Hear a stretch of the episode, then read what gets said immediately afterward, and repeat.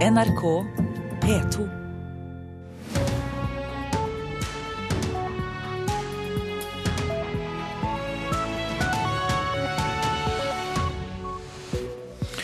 Regjeringen offentliggjør sin økning av drivstoffavgiftene i dag. Vår politiske kommentator Magnus Takvam er kommet til studio. Han skal straks fortelle oss hva det innebærer. Andre saker i Nyhetsmorgen. Mange foreldre aner ikke hva barna driver med på nett, mener politi og lærere. Nå må foreldrene ta mer ansvar selv, mener de. Rosetta ble skutt ut for tolv år siden. Nå er det siste dag på jobben. Vi skal også snakke om romsonden, som har vært på kometjakt i verdensrommet. Og politikere i Drammen er bekymret over at islamisten Moadin Mohammed har slått seg ned i byen, og frykter han skal bygge opp et nettverk. Magnus Takvam, politisk kommentator her hos oss i NRK. Du har med deg nyheter om drivstoffavgiften. Ja, eh, som vi har vært eh, innom i nyhetssendinger tidligere, så er jo de fire samarbeidspartiene, altså Høyre, Frp og Venstre og KrF, ikke blitt enige om en totalpakke om det såkalte grønne skatteskiftet, slik planen har vært. Det som da skjer i dag, er at eh, regjeringen for sin del, Høyre og Frp, presenterer denne biten av statsbudsjettet, som jo blir presentert i full bredde torsdag i neste uke, eh, etter statsråd i dag.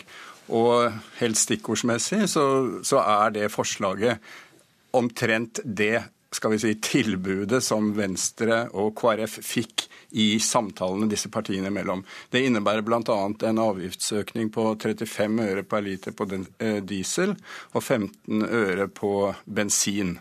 Eh, så er det en pakke eh, som såkalt skal eh, lette bilistenes situasjon med redusert eh, årsavgift. Det er en viss reduksjon av bompengene.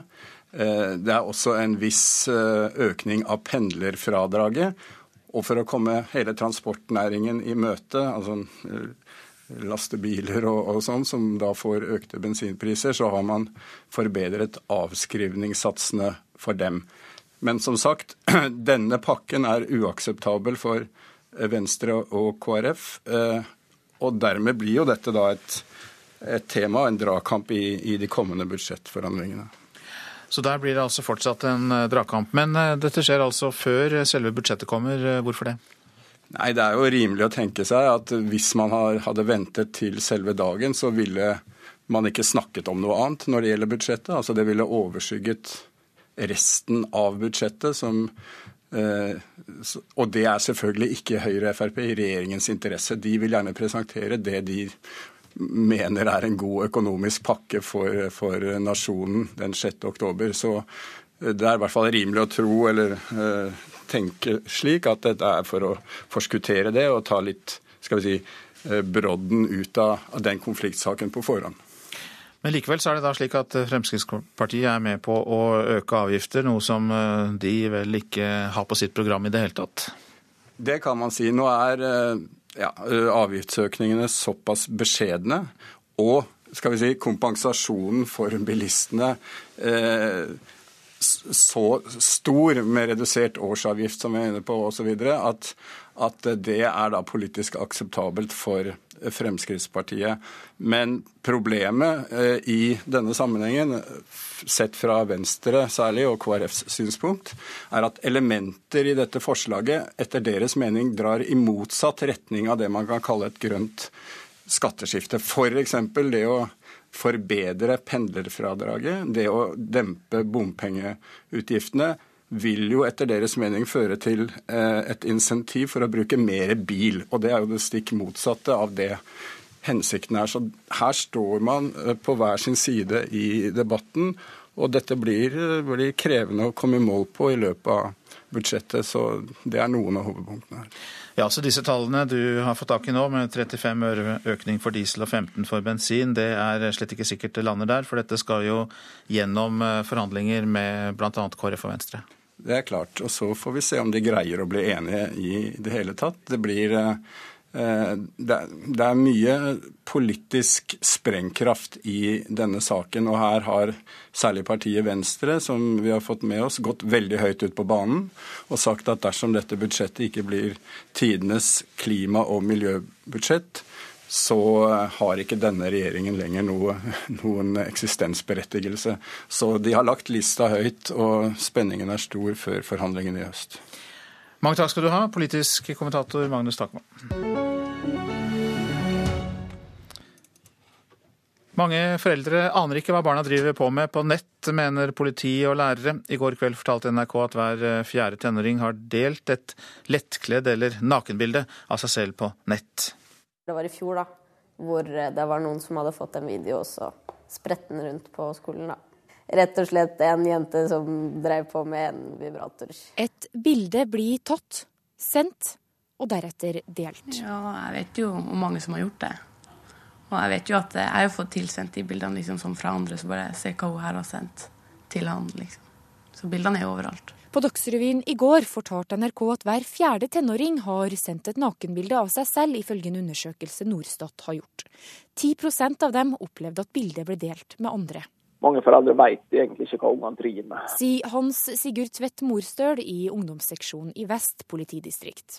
Jeg tror at De yngste så er nok foreldrene litt på hugget og følger litt med på hva de driver med, men de type 15 og oppover, da er ikke foreldrene så mye inne i bildet på hva ungene driver med. Hvordan ser dere det da i deres arbeidshverdag? Nei, vi får en del henvendelser innimellom, spesielt en del unge jenter som uh, kanskje har delt et bilde, og så uh, og så har det gått utover i en større krets enn det de har tenkt. I tillegg til nakenbilder forteller over halvparten av tenåringene om private bilder som skjermdumpes, uthenging og baksnakking på nett. Ifølge en undersøkelse NRK har gjort blant 1000 rektorer her i landet, mener hver tredje rektor at foreldre er lite eller svært lite oppmerksom på nettmobbinga blant barna. Først og fremst snakk med barna dine. Vit hvordan de har det. Steffen Handal er leder i Utdanningsforbundet. Altså her har du barn som opplever eh, en verden på nett eh, som, som, ikke drar en grense mellom skole og privatliv. Både må foreldrene ta et selvstendig ansvar, eh, de må søke nettverk med andre foreldre, men de må også forvente at skolen legger til rette for at de kan melde fra og også delta i diskusjoner. De vet nok dessverre altfor lite. Sier leder for foreldreutvalget i grunnopplæringa, Gunn Irén Müller. Hun mener det er viktig å snakke med barna, andre foreldre og skolen om det som skjer på nett. Og så én ting til. Da vil jeg si at Det de bør vite, er at de er rollemodeller for barna sine. Så mange foreldre er dårlige rollemodeller? Noen er nok det, ja. Noen har nok lett for å både bruke sosiale medier ganske mye sjøl, og rett og slett kanskje da ikke ser barna sine når de burde se dem.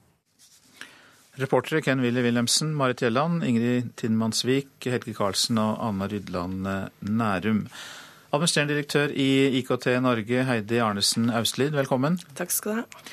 Dere er jo informasjons- og kommunikasjonsnæringens interesseorganisasjon og kjenner jo dette området. Det vi hørte om her, foreldre som følger lite med, stemmer det med det bildet dere har? Ja, jeg tror at eh, foreldre generelt sett har et litt for passivt og kanskje innimellom også naivt forhold til eh, ungers eh, digitalbruk. Og vi skal huske på at de ungene som vokser opp i dag, de vokser opp i en verden som i stor grad også er veldig digital og veldig annerledes enn når vi selv vokste opp. De introduseres for nett allerede i ettårsalderen.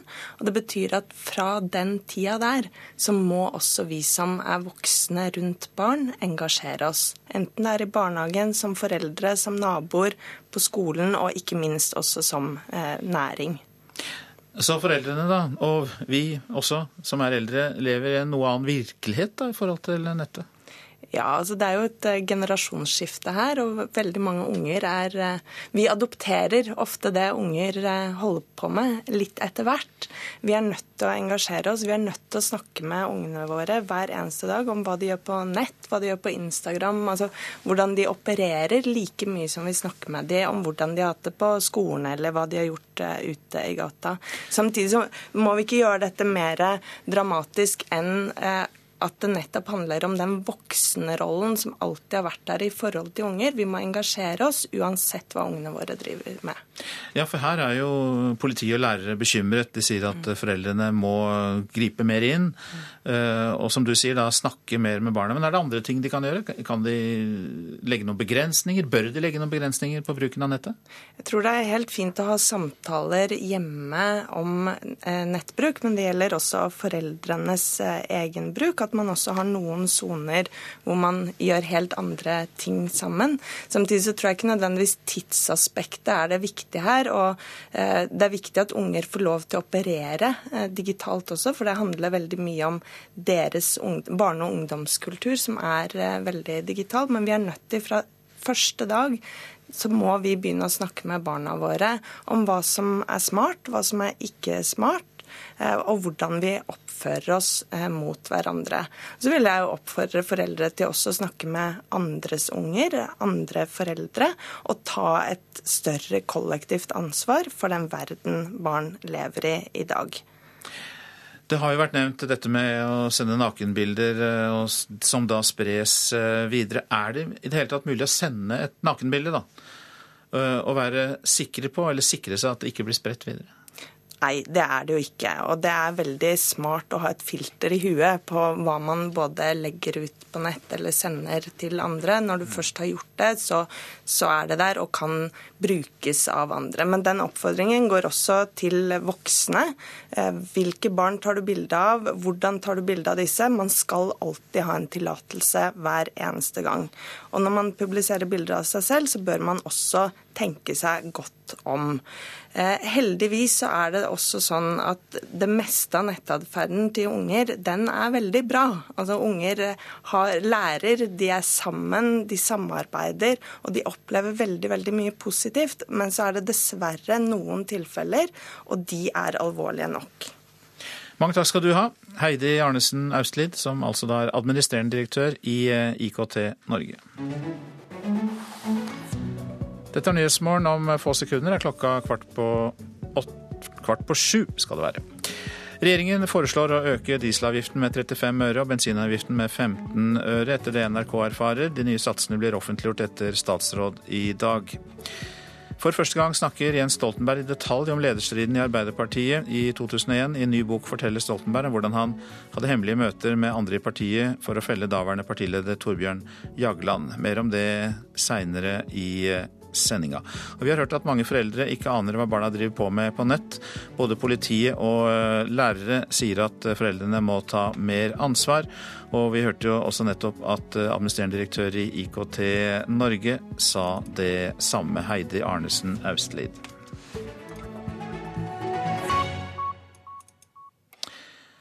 Nå skal vi tilbake til Fransk Guyana i Sør-Amerika 2.3.2004.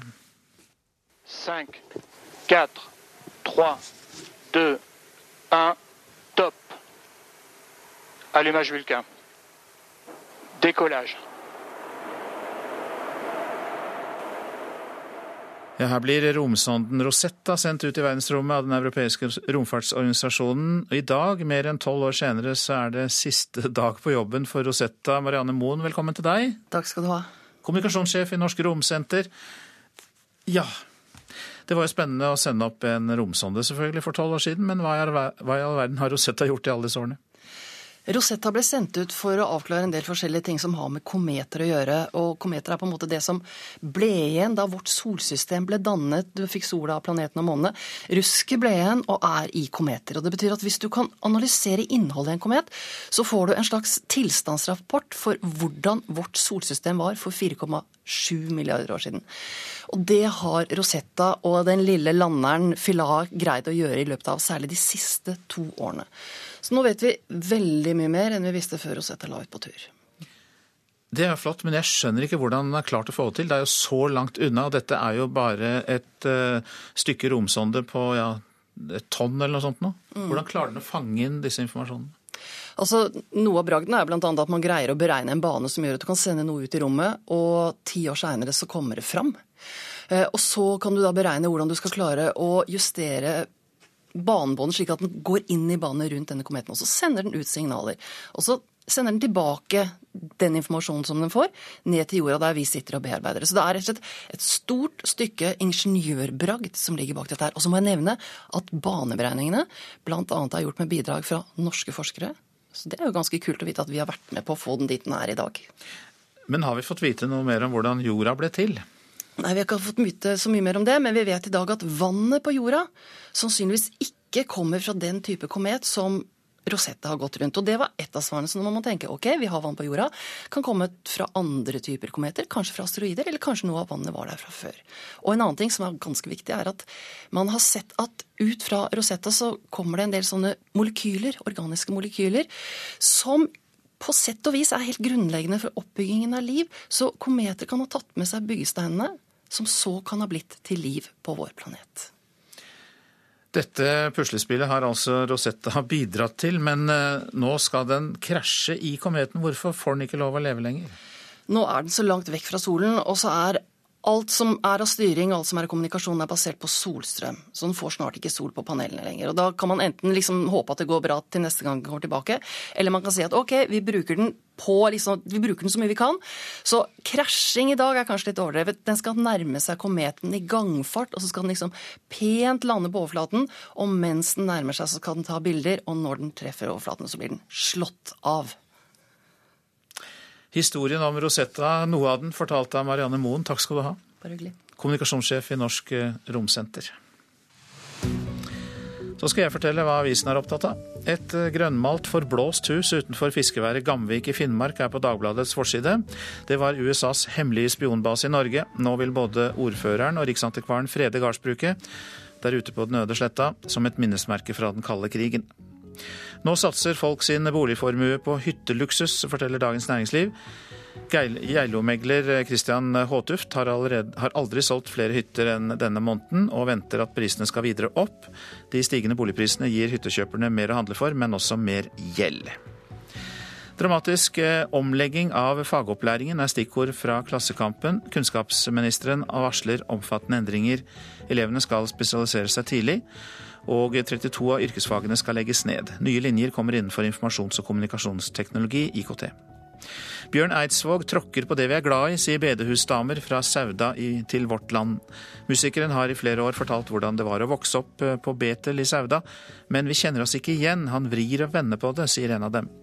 Men et medlem av Tenzing-koret fra den gang sier til avisa at Bjørn Eidsvåg har vært saklig i sin kritikk. Tar han Aleppo, tror han at han vinner landet tilbake. Aftenposten omtaler krigen om Syrias største by. Med bomberegn og bakkeangrep ønsker Syrias leder Bashar al-Assad å gi opprørerne en psykologisk knekk, sier syriske forskere. Jeg skjønner at folk gruer seg til å bli gamle, sier Roar Melum til Adresseavisen. Dårlig renhold, underbemanning og opptil to uker å vente på å få dusje er noe av det faren hans opplevde på et sykehjem i Trondheim. Helseombud Hanne Mai Bruheim er ikke overrasket, og sier hun får mange slike henvendelser, og at det har sammenheng med marginal bemanning ved sykehjemmene. Over 1400 ledige må snart stå i sosialkø i Rogaland. Det kan vi lese om i Stavanger Aftenblad. Snart er det slutt på dagpengene for de første som ble sagt opp i oljebransjen for to år siden. Situasjonen er krevende, sier direktør Truls Nordahl i Nav Rogaland. Mange ledige får ikke fart på jobbsøkningen før de nærmer seg grensen for dagpenger, sier han. Cecilia Brekkhus eh, har et lite overtak over sin franske motstander Anne Sofie Matisse. Da de to møttes i Danmark i 2012, så vant nemlig bergenseren. Men Brekkhus eh, har lagt vekk eh, alle tanker om det forrige oppgjøret for morgendagens møte med den franske bokseren. Nei, det betyr absolutt ingenting. alt som har skjedd, det, det bare strykes. Jeg går, som, jeg går alltid inn som utfordrer, og det gjør jeg også nå. Det sa Brekkhus på en av de siste forberedende treningene før oppgjøret. Motstander Ann Sofie Mathis sier hun vil være mindre forutinntatt denne gangen. Euh, det er annerledes i den forstand at nå kjenner jeg jo hennes måte å bokse på. Jeg er mindre forutinntatt enn det jeg var sist. Jeg vet hva jeg kan vente meg. Og den franske 39-åringen avviser at Brekkhus har et psykologisk overtak etter seieren forrige gang de møttes i ringen. Contraire, c'est Nei, tvert imot. Det gir meg skikkelig drive og lyst, og jeg synes det er kjempeinteressant. Man vil jo møte de beste når man går i ringen. For den norske boksedronningen selv er fokuset bare på kampen som kommer, og hun er forberedt på en tøff match. Mathis er jo i kjempeform, hun er sulten. Hun har en rematch-klausul. Vinner hun denne kampen, her, så blir hun en rik dame. Eh, så hun, hun, kommer med alt. Og det er, eneste, det er, det eneste, jeg tenker på. Så her er det all in. Det, at jeg har vunnet over henne før, har absolutt ingenting å si. Men NRKs bokseekspert Anders Werner Øfsti mener kvinnene underspiller viktigheten av det forrige møtet. I en idrett som boksing så betyr det psykiske, det mentale, veldig mye. Mye mer enn det rent fysiske.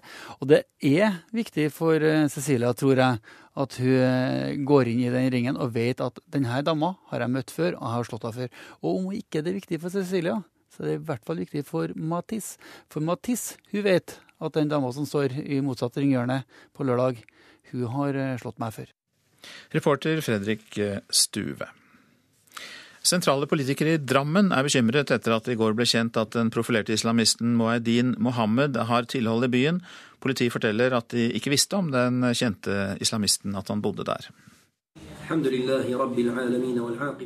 Mohyeldin Mohammed i en YouTube-video som ble publisert tidligere denne uka.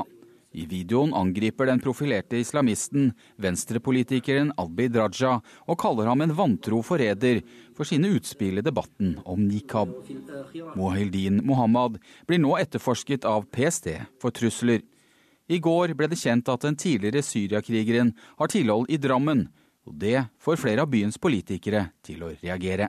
Han representerer alle de verdier og holdninger vi aldri må akseptere i det norske samfunnet. Det forteller gruppeleder Masud Gharahkhani i Arbeiderpartiet i Drammen. Han vil nå at kommunen og politiet samarbeider tett for å hindre at Mohammed skaffer seg et nettverk i byen. Også Jon Helgheim fra Fremskrittspartiet er bekymret. Vi skal ikke ha de elementene gående løst i samfunnet. Må plage de mest mulig helt til de velger å enten stikke av eller roe ned aktiviteten sin. For jeg har ikke noe tillit til at denne figuren her driver med redelige ting som vi ønsker i samfunnet. Hva kan politiet i Drammen eventuelt gjøre i forhold til Moedin Mohammed nå? Det er ikke så mye vi kan gjøre konkret, bortsett fra at vi ønsker å ha informasjon hvis han har bosatt seg i byen. Det forteller politistasjonssjef Øyvind Aas. Arbeiderpartiets Masud Gharahkhani vil nå ta opp saken med Drammenspolitiet. Jeg har tillit til politiet, men vi vet jo at i tider så har kanskje informasjonsflyten mellom PST og politiet ikke vært optimal. Jan Erik Viltil var reporter her. I kveld er det premiere på kinofilmen om de absolutt fabelaktige Eddie og Patsy, kjent fra den britiske TV-serien. Det har jo gått fire år siden siste sesong av Absolutely Fabulous ble spilt inn, og de to hovedpersonene begynte å savne seg selv litt. Korrespondent Espen Aas møtte dem i London.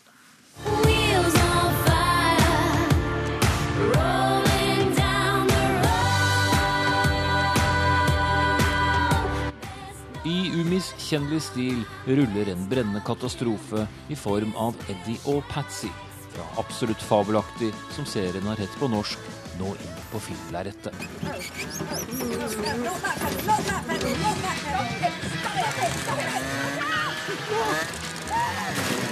Som alltid er det Jennifer Saunders og Joanna Lambley som spiller hovedrollene. Saunders har som vanlig skrevet manus også, og innrømmer at de nok savnet seg selv litt da NRK møtte dem til intervju i London. And I was, after each one, I always go, oh, that's it now. Let's just call it a day. But then you miss them. It's like missing your best friends. You go, oh, that would be quite nice to get them back for that or this. Mm. When I was coming in earlier, a woman screamed at me, darling.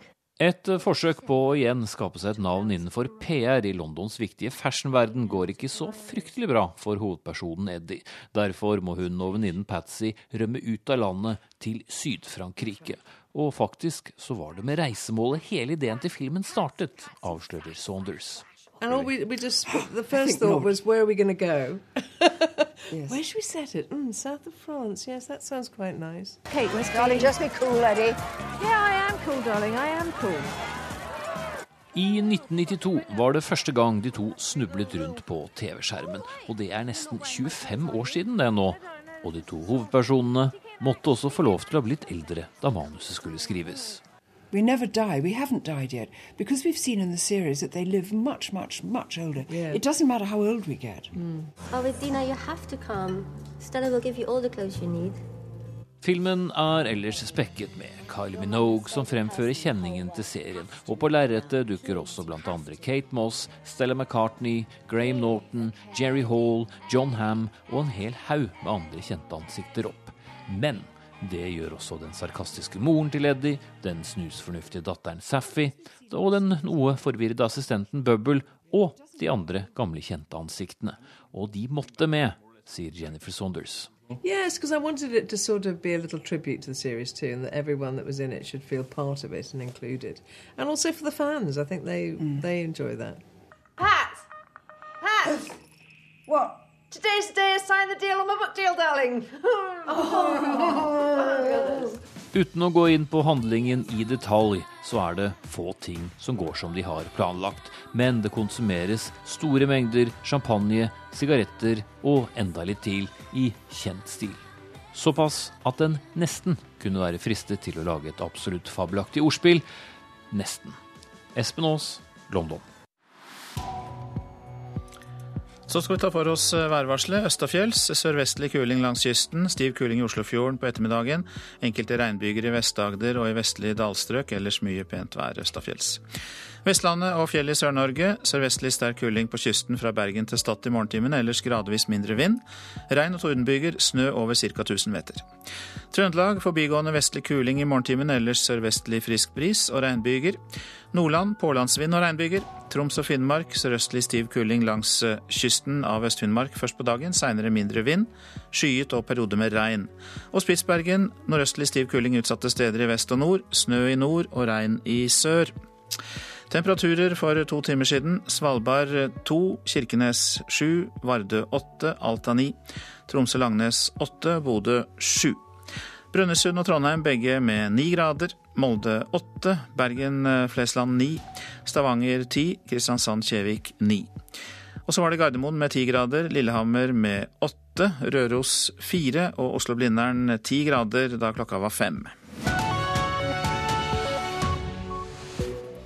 Nyhetsmorgen fortsetter med disse sakene. Utbetalinger fra forsikringsselskapene til privat helsebehandling har økt med 42% de siste to årene.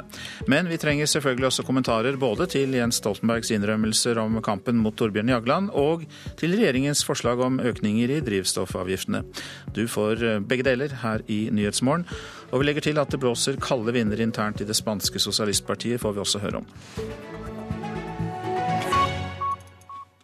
Ja, Tidligere statsminister og Arbeiderpartileder Jens Stoltenberg vedgår altså at han jobbet i det skjulte for å felle sittende partileder Torbjørn Jagland i sin tid. Han eh, lanserer altså selvbiografien sin Min historie Stoltenberg i dag, og forteller i boka og i kveldens sending av programmet Skavlan om dette, og forteller hvordan han da som statsminister jobbet mot den sittende partilederen Torbjørn Jagland. Rundt 2000-2001 så fungerte ikke vårt samarbeid lenger. Og da skjønte jeg at enten så måtte jeg ta over helt, altså bli både partileder og statsminister, eller så måtte jeg trekke meg helt ut. Og da gjorde jeg noe som man egentlig ikke skal gjøre, nemlig å begynne å fraksjonere, som det heter. Altså jobbe mot den sittende lederen. Hvordan gjorde dere det? Nei, Vi møttes jo forskjellige steder. Altså, du og andre partikolleger? da? Ja, jeg møtte mennesker jeg stolte på. begynte å snakke om hvordan skal vi håndtere Noen måtte jo snakke sammen, noen måtte få dette til å fungere, og da må du snakke med mennesker. Og Da husker jeg Vi møttes i en leilighet oppe på, ved Bislett. og da husker jeg Vi prøvde å komme på forskjellige tider eh, eh, og litt fra forskjellige retninger. for ellers så kunne det se ut som vi skulle, for vi var jo kjente mennesker alle sammen. Så Hvis noen så at vi kom samme sted, så ville folk tro at vi skulle fraksjonere. Og det var jo nettopp det vi skulle, så det gjaldt å ikke avsløre det. Eh, nei, så det var en vond tid. Eh, men det var vondt for Torbjørn Jagland, det var vondt for eh, meg, det var vondt for partiet. Men det var Hva, hva, var det som gjorde, hva var det som gjorde situasjonen så uholdbar akkurat da? At vi ikke fungerte sammen lenger. Ikke? Vi, vi skulle lede Arbeiderpartiet sammen. Han skulle være partileder, jeg skulle være statsminister. Eh, og det hadde ikke fungert. Eh, vi hadde gjort et veldig dårlig valg i 2001. Eh, vi tapte valget. Det har også jeg veldig mye ansvar for. Men jeg forsto at hvis vi skulle vinne igjen, komme tilbake, så måtte, altså måtte en av oss være sjefen. Vi kunne ikke dele på å være sjef. Uh, og da valgte jeg istedenfor å trekke meg ut, å gå for å ta helt over. Og utfordre. Ja. Ja, Jens Stoltenberg intervjuet av Fredrik Skavlan, og mer blir det selvfølgelig på programmet Skavlan på NRK i kveld. Kommentator i NRK, Magnus eh, Takvam. Eh, Hva mer får vi vite i denne boka til eh, Stoltenberg? Det er jo mm, en dramatisk historie om kanskje den mest betente striden i Arbeiderpartiet, som vi hørte et, eh, et eh, glimt av nå i dette intervjuet som kommer i Skavlan i kveld, nemlig striden mellom Torbjørn Jagland og Jens Stoltenberg om lederskapet i partiet. Som vi hører, så legger Jens Stoltenberg alt åpent fram i denne boka.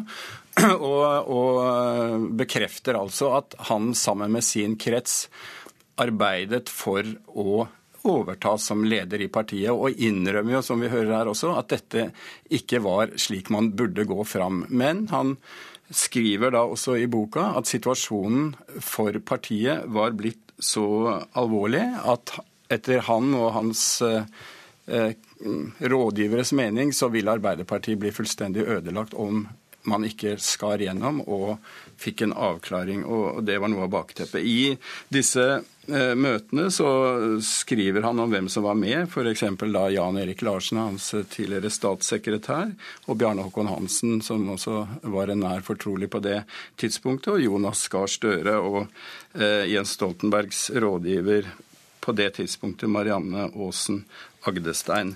Eh, så det er en dramatisk og fortettet partihistorie eh, Stoltenberg forteller i denne boka. Det har, vært, eh, det har, vel vært, møter på bakrommet i Arbeiderpartiet tidligere, men det er ikke så vanlig at man går ut åpent og forklarer i detalj? Nei, det er klart. Men eh, vi som fulgte denne konflikten som journalister på dette tidspunktet, tidspunktet i de månedene fram til det toppet seg og Jagland trakk seg eh, etter sin sykdom, eh, var jo klar over eh, veldig mye av det som skjedde. Men at en av hovedaktørene åpent nå forteller om det, er selvfølgelig svært interessant, også historisk. Noe av bakteppet her er at etter at uh, Torbjørn Jagland vinteren 2000, eh, før da Stoltenberg I-regjeringen overtok og uh, da de kastet Bondevik-regjeringen på gasskraftsaken, da trakk jo Torbjørn Jagland seg først som statsministerkandidat, og Jens Stoltenberg overtok det vervet. Men han Jagland, det blir beskrevet i detalj i boka, tviholdt på å fortsette dette delte lederskapet med han som leder og Stoltenberg som da eventuelt statsministerkandidat og parlamentarisk leder, også etter valgnederlaget i, eh, i 2005. Eh, nei, 2001, unnskyld. Så det var bakgrunnen for at Stoltenberg måtte bestemme seg, som vi hørte i intervjuet her, at enten måtte han trekke seg fra politikken eller ta kampen opp med Jagland. Og, og da uh, gikk det jo på den måten som alle vet nå. Dette får vi vite mer om i sendingen utover dagen, og ikke minst i Skavlan i kveld. Mange takk skal du ha, politisk kommentator her hos oss, Magnus Takman. Nå om at utbetalinger fra forsikringsselskaper til privat eh, helsebehandling har økt med 42% de siste to årene. Vi ser et speilbilde av det offentlige helsevesenet, sier forsikringsselskap som sender mange til behandling der det er lange offentlige køer. Kai Heinrich Raa fikk privat behandling gjennom forsikring etter at det var eh, lang, lang kø i det offentlige. Du kan kjenne det på pulsen hvis du tar på din egen puls. Ja. Så er det liksom dum, Og Det er den normale hjerterytmen. Ja. Men med flimmer så liksom blir det bare mos. I fjor høst ble det oppdaget hos bedriftslegen. Det var hjerteflimmer. Fastlegen sendte han videre til spesialist. Og i mars i år fikk han behandling på Ahus. Prøver man ved hjelp av ett eller to elektrostøt, sånn som du ser på film og sånne ting, da, og, gjenopprette, gjenopprette, rytmen i eh, hjertefunksjonen. Og uh, det fungerte. Men bare kortvarig. Ikke lenge etter ble han dårlig igjen. Etter, etter mye om og men, så fikk jeg da time 10. Nei, 12. oktober. Altså, som, som, du ikke har hatt ennå? Ja. Men så sa en kollega at de hadde forsikring gjennom jobben. Så ringte jeg da helseforsikringen i slutten av juni. En uke etter så lå jeg på sykehuset i Varde i Danmark og fikk en eh, hjerteoblavasjon. Kai Heidenreich Raa er en av nesten en halv million nordmenn som har privat helseforsikring, viser tall fra Finans Norge. De aller fleste gjennom arbeidsgiver. Det er en dobling på fem år, og utbetalingene til privat behandling har økt med 42% til over 800 millioner kroner de siste to årene.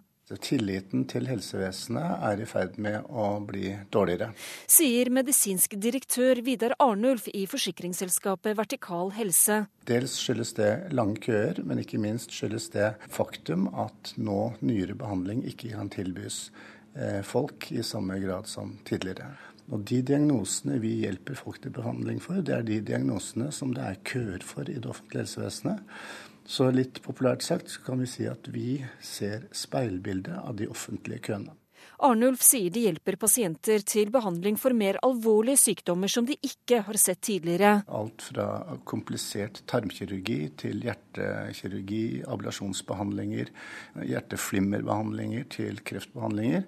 Det er behandlinger som vi nå må hjelpe våre kunder til å få. Og det er jo selvfølgelig fordi at køene i det offentlige øker på, den, på disse områdene.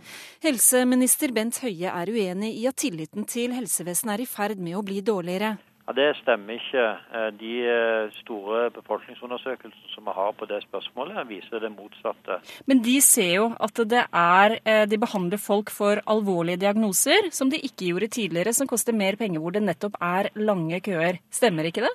Ja, Køene går ned. Jeg er ikke fornøyd med lengden på køene nå og ventetiden.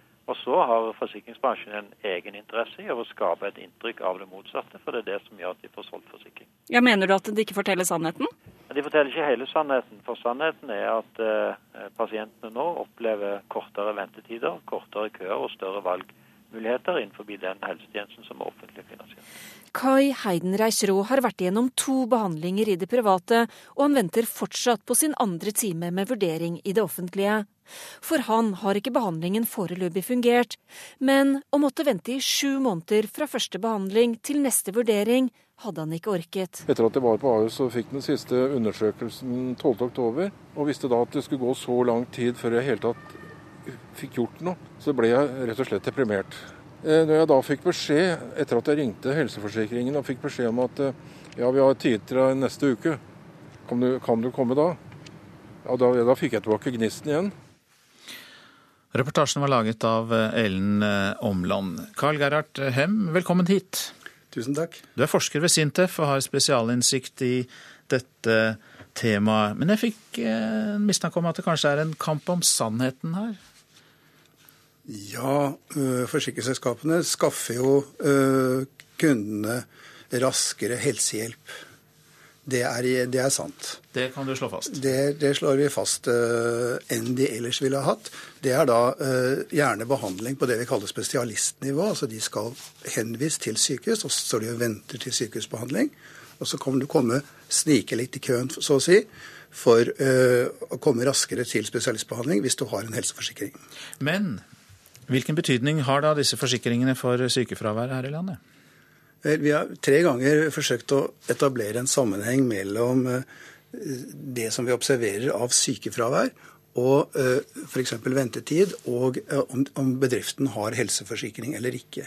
Og I fjor gjorde vi en stor undersøkelse hvor vi forsøkte å se på bedrifter som tegner helseforsikring, og sammenligne med bedrifter som ikke har helseforsikring. Og vi ser rett og slett ingen forskjell. Og det er intuitivt en ganske overras litt overraskende resultat. Ja, Så det betyr ikke noe om bedriften har helseforsikring for sin ansatte eller ikke? Det betyr ikke noe særlig når det gjelder sykefravær. Det betyr noe for de som er ansatt der, at de kan komme raskere til hjelp, og de føler seg mer ivaretatt. Og Jeg har inntrykk av at det er det forsikringsselskapene nå mer og mer markedsfører, ikke at det har en stor effekt for sykefraværet. Men eh, så var det dette med tilliten til offentlig helsevesenet, for den ligger eh, dårligere tillit til helsevesenet ligger kanskje bak dette? Jeg vet ikke om det er en dårligere tillit til helsevesenet. Eh, og jeg vet ikke noen undersøkelser om det.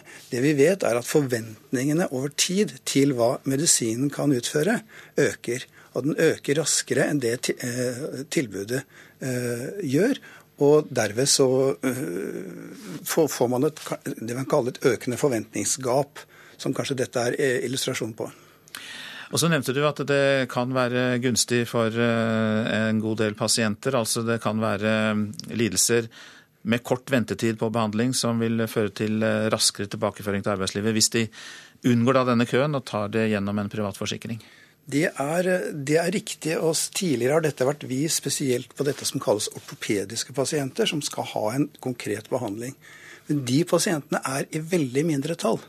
Det vi vet f.eks. er at i løpet av et år så er det kun 16% av de ansatte som har et sykefravær som er mer enn to uker. En del av disse igjen blir henvist til sykehus og står i en sånn pasientkø. En veldig liten andel av disse igjen vil ha veldig nytte av en mye kortere ventetid ved sykehusene. Tilbake til utgangspunktet, den saken vi hørte om. Kunne denne mannen fått eh, snarere hjelp på en annen måte? Ja, det er jo nok en gang en slags illusjon om at straks du kommer på sykehus, så blir du frisk. Og dette illustrerer jo veldig godt det eksempelet at han eh, ble satt opp på en ventetid som er i Norge ca. en halvt år til ett år på akkurat den type behandling. Eh, men når du kommer til behandling, så hjelper det ikke så veldig mye. Det er ikke så ofte at det er en quick fix på det som du, eh, du feiler. Og det er liksom illusjonen nå, at helsehjelp, da blir jeg frisk i morgen. Men eh, fritt sykehusvalg, kunne det vært brukt? Fritt sykehusvalg kan brukes. Eh, akkurat ablasjonsbehandling er fire-fem steder i Norge hvor du kan behandles. Men i Oslo så er det en halvt år, og hvis du reiser til Tromsø, så er det nesten, eller Trondheim så er det nesten et år. Så det er ikke så enkelt å gjøre det. Takk skal du ha, Carl Gerhard Them, som er forsker ved Sintef. Dette er Nyhetsmorgen. Klokka har passert 7.17. Dette er hovedsaker. Regjeringen foreslår å øke dieselavgiften med 35 øre og bensinavgiften med 15 øre. Mer om det snart.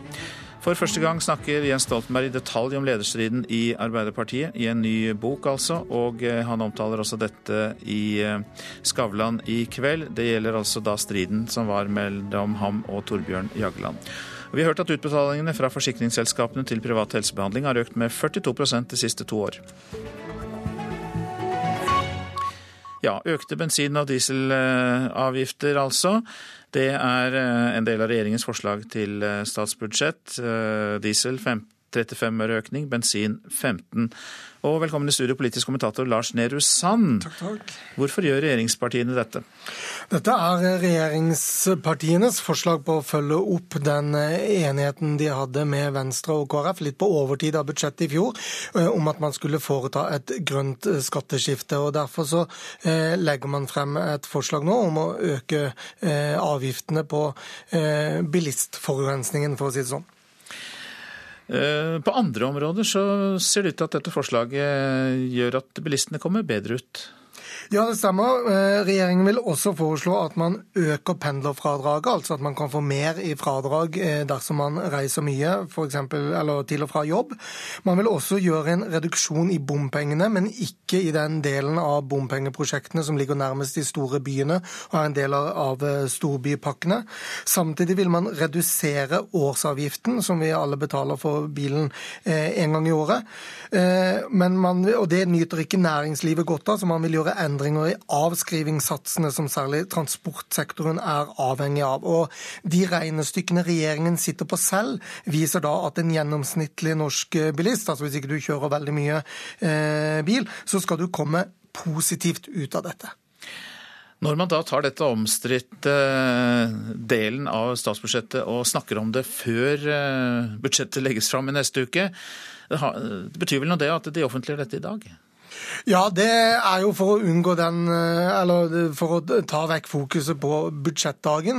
Nå kan man kanskje snakke om arbeidsledighet eller forsvarsbevilgninger på, på, mandag. For det er klart at dette er en av de mest betente eh, konfliktene mellom Venstre og eh, Fremskrittspartiet spesielt. Når vi hører at bilistene her kommer totalt sett positivt ut, så vil jo Venstre ha gode argumenter for å mene at dette kanskje ikke reduserer bilbruken så mye som, som intensjonen intensjonene var da man ble, ble enige om dette. Så disse tallene, da, 35 øre og 15 øre, blir ikke nødvendigvis det man lander på etter at man har forhandlet med støttepartiene? Nei, jeg vil, vil, tro at støttepartiene ønsker å forhandle dette opp. Eh, så, så det, det, er vel eh, nær sagt på det rene. Men, men, det er også sånn, må vi huske, eh, at for Venstre så er dette en, en veldig viktig sak. En, de mener at de fikk veldig klare løfter fra regjeringen for ett år siden om hvordan, hvilken vei man skulle gå, og at målet er å redusere mest mulig CO2-utslipp fra, fra norske veier. Og at det da kanskje ikke skjer hvis bilistene listene kommer godt nok ut. og Dermed så kan Venstre for alvor stille makt på kravene. Eh, vi kan meget vel få en budsjettkrise hvor Venstre kanskje ikke vil støtte budsjettet, og dermed også setter eh, KrF i en skvis. Men også at man eh, i verste fall vil si opp den samarbeidsavtalen eller fremtvinge et kabinettspørsmål. Så det blir definitivt den, det kanskje den mest alvorlige konfliktlinjen i norsk politikk i høst. Og med valgår neste år så er det klart at dette betyr veldig mye. Både for Venstre, som jakter miljøgjennomslag på sperregrensen, og, og, og Frp, som har eh, sine velgergrupper å ta hensyn til. Mange takk skal du ha, kommentator Lars Nehru Sand. I Israel er flere ytterliggående palestinere og jøder pågrepet før begravelsen av tidligere president Shimon Peres i dag. Sikkerhetsopplegget er voldsomt under seremonien, der flere av verdens statsledere er til stede. Reporter Eirik Veum, du er i Jerusalem.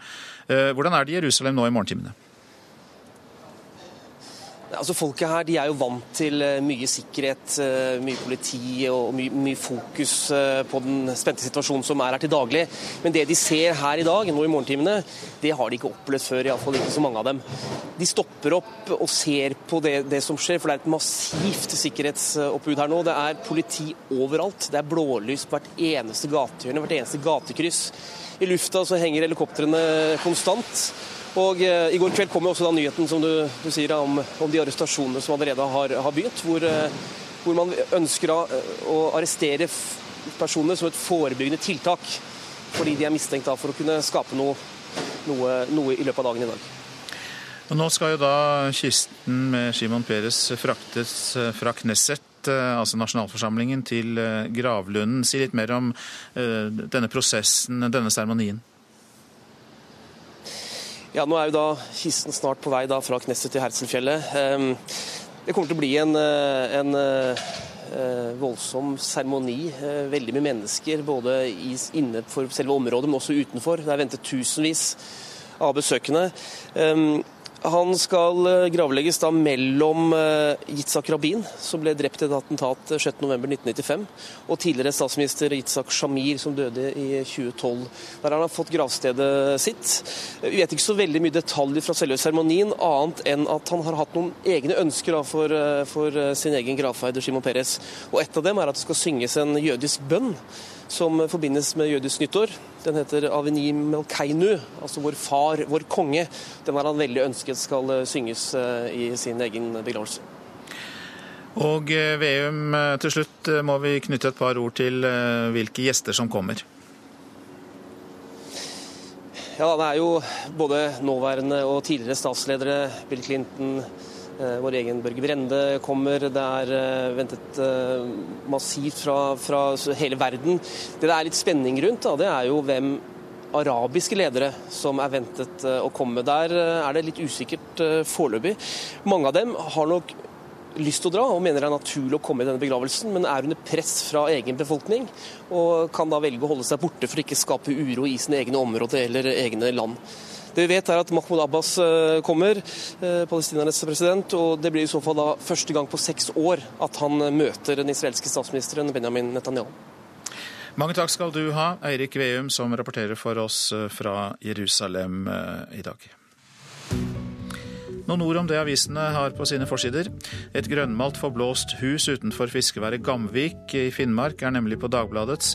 Det var USAs hemmelige spionbase i Norge. Nå vil både ordføreren og Riksantikvaren frede gardsbruket der ute på den øde sletta som et minnesmerke fra den kalde krigen. Nå satser folk sin boligformue på hytteluksus, forteller Dagens Næringsliv.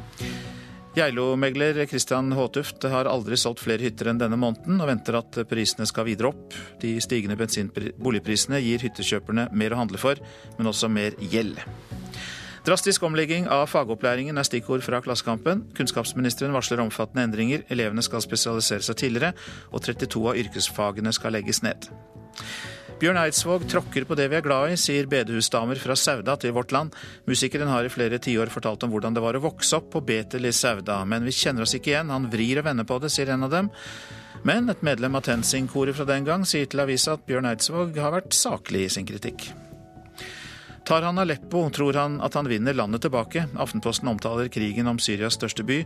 Med bomberegn og bakkeangrep ønsker Syrias leder Bashar al-Assad å gi opprørerne en psykologisk knekk, sier syriske forskere. Jeg skjønner at folk gruer seg til å bli gamle, sier Roar Melum til Adresseavisen. Dårlig renhold, underbemanning og opptil to uker å vente på dusj er noe av det faren hans opplevde på et sykehjem i Trondheim. Helseombud Hanne Mai Bruheim er ikke overrasket over kritikken, og sier det har sammenheng med marginal bemanning ved sykehjemmene. Over 1400 ledige må snart stå i sosialkø i Rogaland, kan vi lese i Stavanger Aftenblad. Snart er det slutt på dagpengene for de første som ble sagt opp da oljekrisen kom for to år siden. Situasjonen er krevende, sier direktør Truls Nordahl i Nav Rogaland. Ikke bare i Storbritannia, men også i Spania blåser det harde vinder internt i Arbeiderpartiet. Leder Pedro Sánchez blir kritisert for å forverre den politiske krisen i landet. Halve partiledelsen har denne uken trukket seg i protest mot Sánchez, og blant hans fremste kritikere er tidligere statsminister Felipe Gonzales. Etter tre nederlag på rad, først i valget i desember i fjor, så på nytt i nyvalget i juni, så senest i regionsvalget, nekter fremdeles Pedro Sánchez å foreta de taktiske grepene som kunne ha gitt Spania en slags flertallsregjering. Da måtte lederen for Sosialistpartiet ha tillatt noen av sitt partis parlamentsmedlemmer å avstå fra å stemme i en tillitsvotering.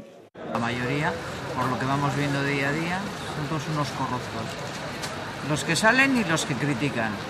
Hasta que les salga nuestra posición, supongo que también tendrán algo que ocultar.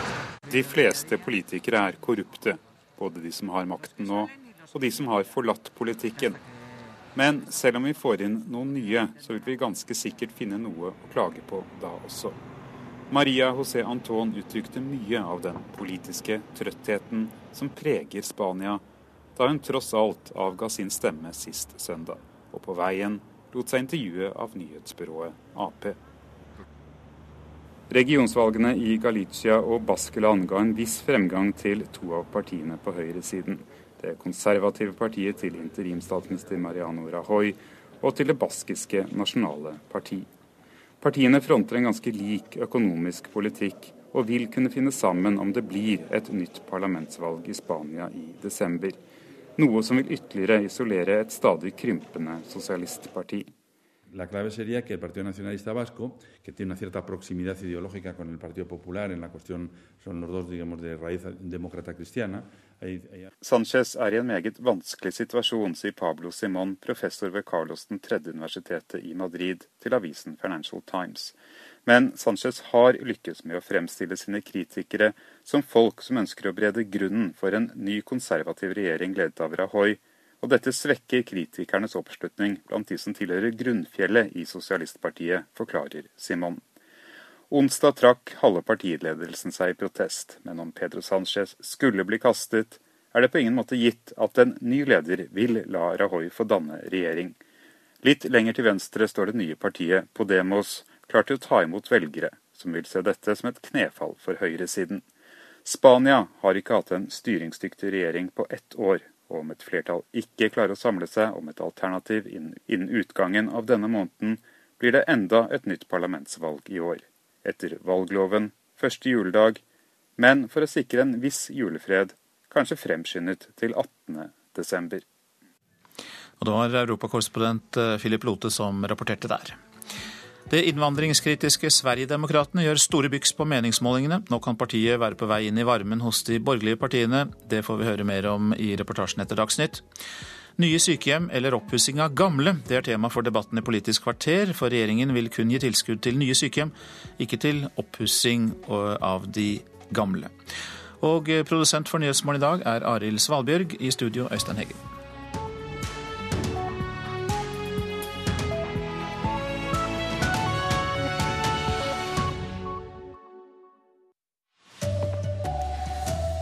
Jens Stoltenberg forteller om det hemmelige spelet han drev for å felle partileder Torbjørn Jagland for 15 år siden. Privat helseforsikring gjennom jobben tar av. Det har vært en dobling på fem år.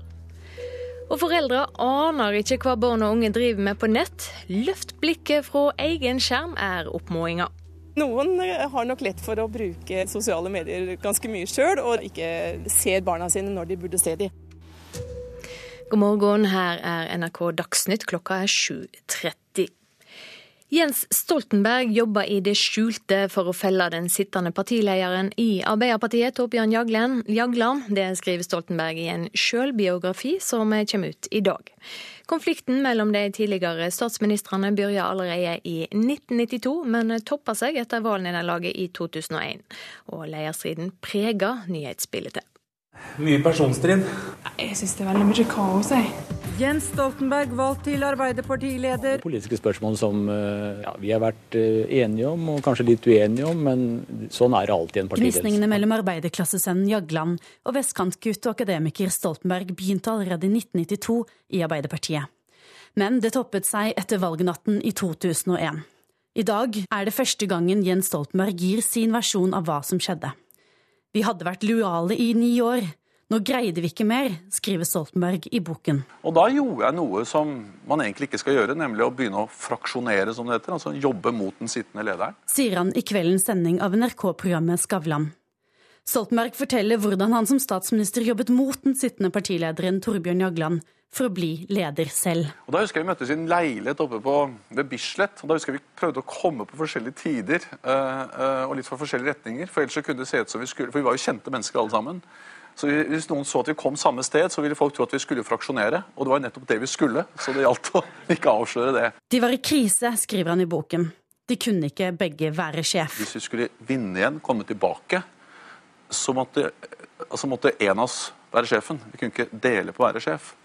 Uh, og da valgte jeg istedenfor å trekke meg ut, å gå for å ta helt over. Og utfordre. Ja. Torbjørn Jagland vil ikke kommentere boka, reporter Sunniva Skjeggestad. Og politisk kommentator Magnus Takvam, hvor vanskelig var denne lederstriden for Arbeiderpartiet? Den var ødeleggende for Arbeiderpartiet, og det er helt opplagt den vondeste perioden i Arbeiderpartiets nyere historie. Eh, Jens Stoltenberg skriver, eh, i tråd med det han sa i dette intervjuet, at jeg var brennsikker på at det var umulig for meg å fortsette etter neste landsmøte med Torbjørn som leder. Om dette skulle vare ved, ville vi aldri vinne nye valg igjen. Og dermed tok han den avgjørelsen som vi hørte han snakket om her, å ta opp kampen eh, for å bli leder. Torbjørn Jagland selv ville at de skulle fortsette med det delte lederskapet også framover eh, årene etter valgnederlaget i 2001. Stoltenberg kommer også inn på sin sorti som norsk toppolitiker. Hva skriver han om det? Han skriver bl.a. at han eh, sommeren 2012, da han måtte svare nominasjonskomiteen i Oslo Arbeiderparti om han stilte til valg eh, i 2013, var veldig i tvil. Og han var på mange måter eh, kanskje innstilt på å trekke seg ut av eh, toppolitikken. Men så kom eh, 22.07-kommisjonen den sommeren, og i statsministerposisjon så var det helt umulig for ham da å trekke seg med det, den oppmerksomheten nettopp denne debatten om beredskapen og osv. etter 22.07 kom. Da måtte han stå og løpe ut som statsminister. Takk skal du ha, politisk kommentator Magnus Takvam. Regjeringa vil øke drivstoffavgifta. Høyre og Fremskrittspartiet legger fram forslaget senere i dag. Regjeringa går, etter det NRK kjenner til, inn for en avgiftsøke på 35 øre for diesel og 15 øre for bensin. Men på andre områder kommer bilistene bedre ut, forteller vår eh, politiske kommentator Lars Nehru Sand. Regjeringen vil også foreslå at man øker pendlerfradraget, altså at man kan få mer i fradrag eh, dersom man reiser mye, f.eks. eller til og fra jobb. Man vil også gjøre en reduksjon i bompengene, men ikke i den delen av bompengeprosjektene som ligger nærmest de store byene og er en del av eh, storbypakkene. Samtidig vil man redusere årsavgiften, som vi alle betaler for bilen eh, en gang i året.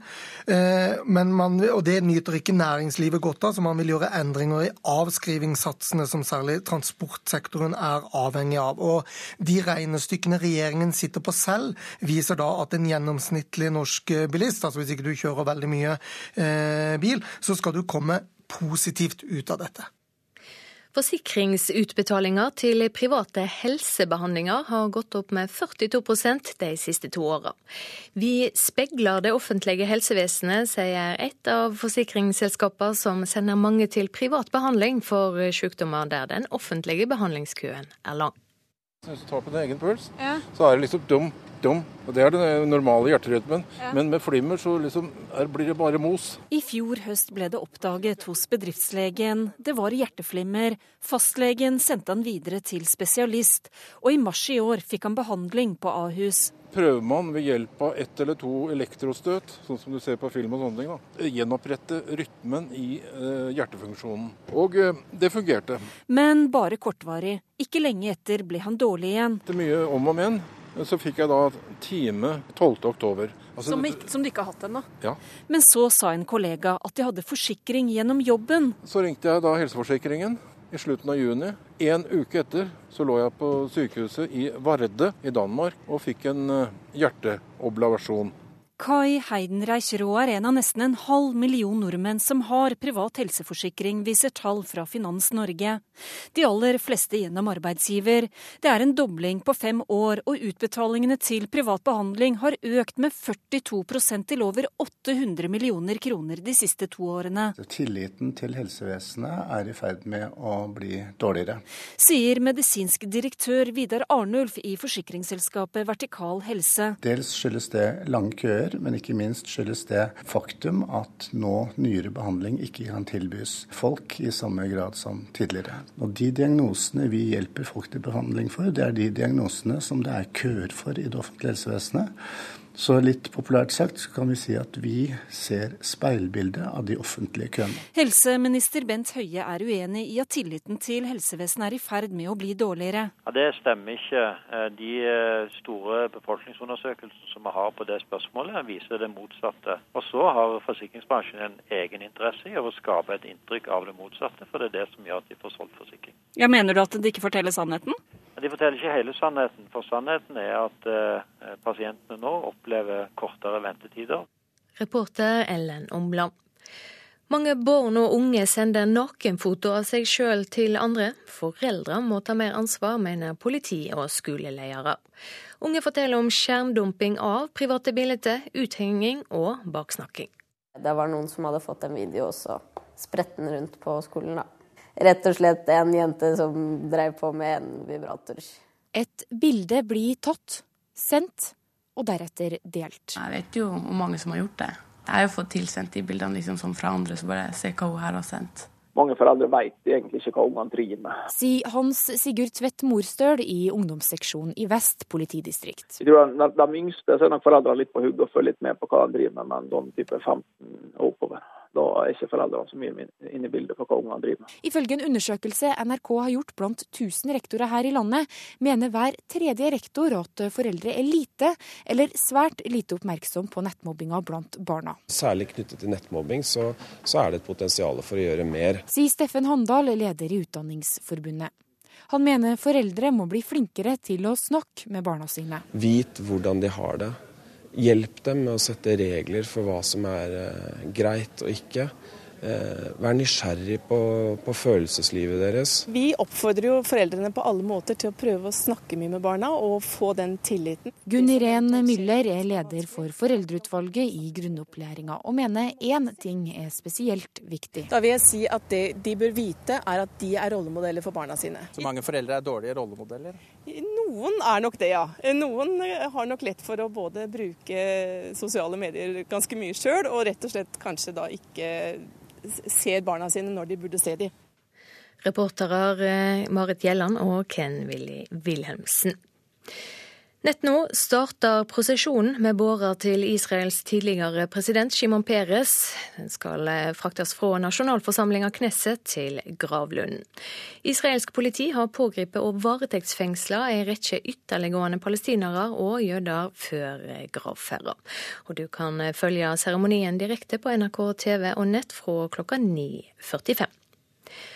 Ansvarlig for NRK Dagsnytt i dag, Sven Gullvåg. Her i studio, Silje Sande.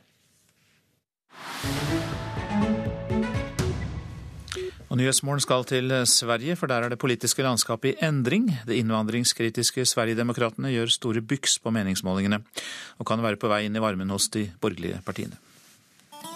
Att være avskydd av andre politikere, journalister og fagpamper er ikke alltid lett. Men det har sine fordeler. Det var en gang en svensk partileder skjøvet helt ut i kulden til høyre i svensk politikk.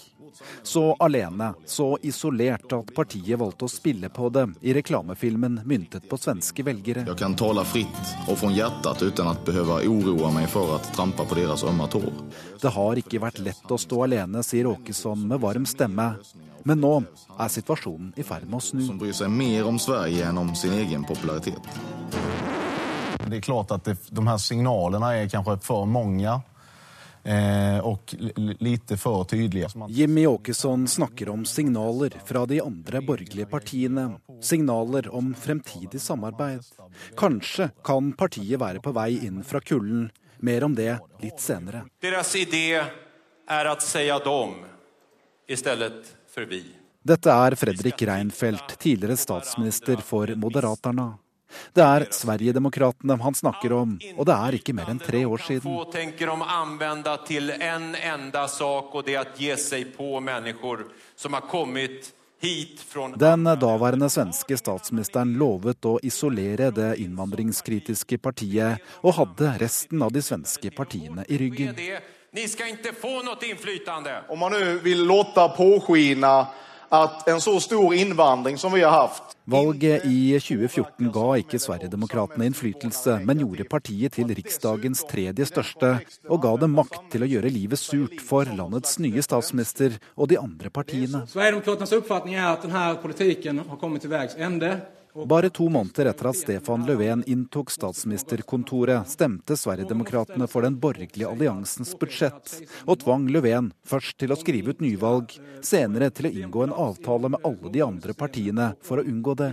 Sverigedemokraterna var blitt en uforutsigbar plage i Riksdagen med ett mål for øye å få til en radikal endring av Sveriges innvandringspolitikk. Så skjedde dette. I noen desemberuker i fjor klappet Sveriges asylapparat sammen. Det kom 10 000 asylsøkere i uken, og landet var rett og slett ikke i stand til å ta vare på dem. Regjeringen ble tvunget til å innføre en streng grensekontroll og adoptere en politikk som minnet svært mye om den Sverigedemokraterna hadde jobbet for i årevis. Tidligere i høst kom de første signalene på at de borgerlige partiene kanskje er i ferd med å endre holdning til Jimmy Åkesson og hans parti.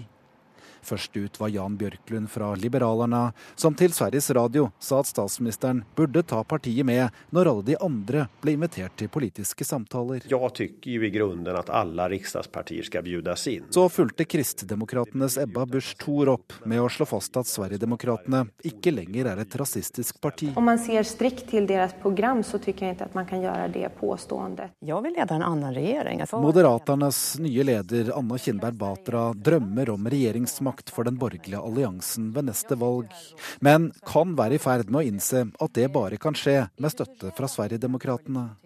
Batra sier fortsatt nei til Jimmy Åkesson, men vil ikke ta ordet 'aldri' i sin munn. Til SVT sier Jimmy Åkesson at valget i 2017 blir et vendepunkt. Det mest sannolike er at vi har tre omtrent jevnstore partier, og så har vi en ganske lang rad små partier. Og det er klart at skulle vi være andre eller til og med største parti, da blir det veldig svårt å ignorere oss. Det er klart at Da er vår, vårt innflytende noe helt annet enn hva det i dag. Sverigedemokratenes Jimmy Åkesson og partiet har vært oppe i over 20% Reporter Petter Auli Hauge. Dette er hovedsaker i Nyhetsmorgen. Regjeringen foreslår å øke dieselavgiften med 35 øre og bensinavgiften med 15 øre, etter det NRK erfarer. For første gang snakker Jens Stoltenberg i detalj om lederstriden i Arbeiderpartiet i 2001. I en ny bok forteller Stoltenberg om hvordan han hadde hemmelige møter med andre i partiet for å felle daværende partileder Torbjørn Jagland. Utbetalingene fra forsikringsselskaper til privat helsebehandling har økt med 42% de siste to år. Samtidig har antall privat eh, helseforsikring gjennom arbeidsgiver doblet seg de siste fem år. Og Så går det mot Politisk kvarter, og det er Linda Reinholdsen som er programleder der.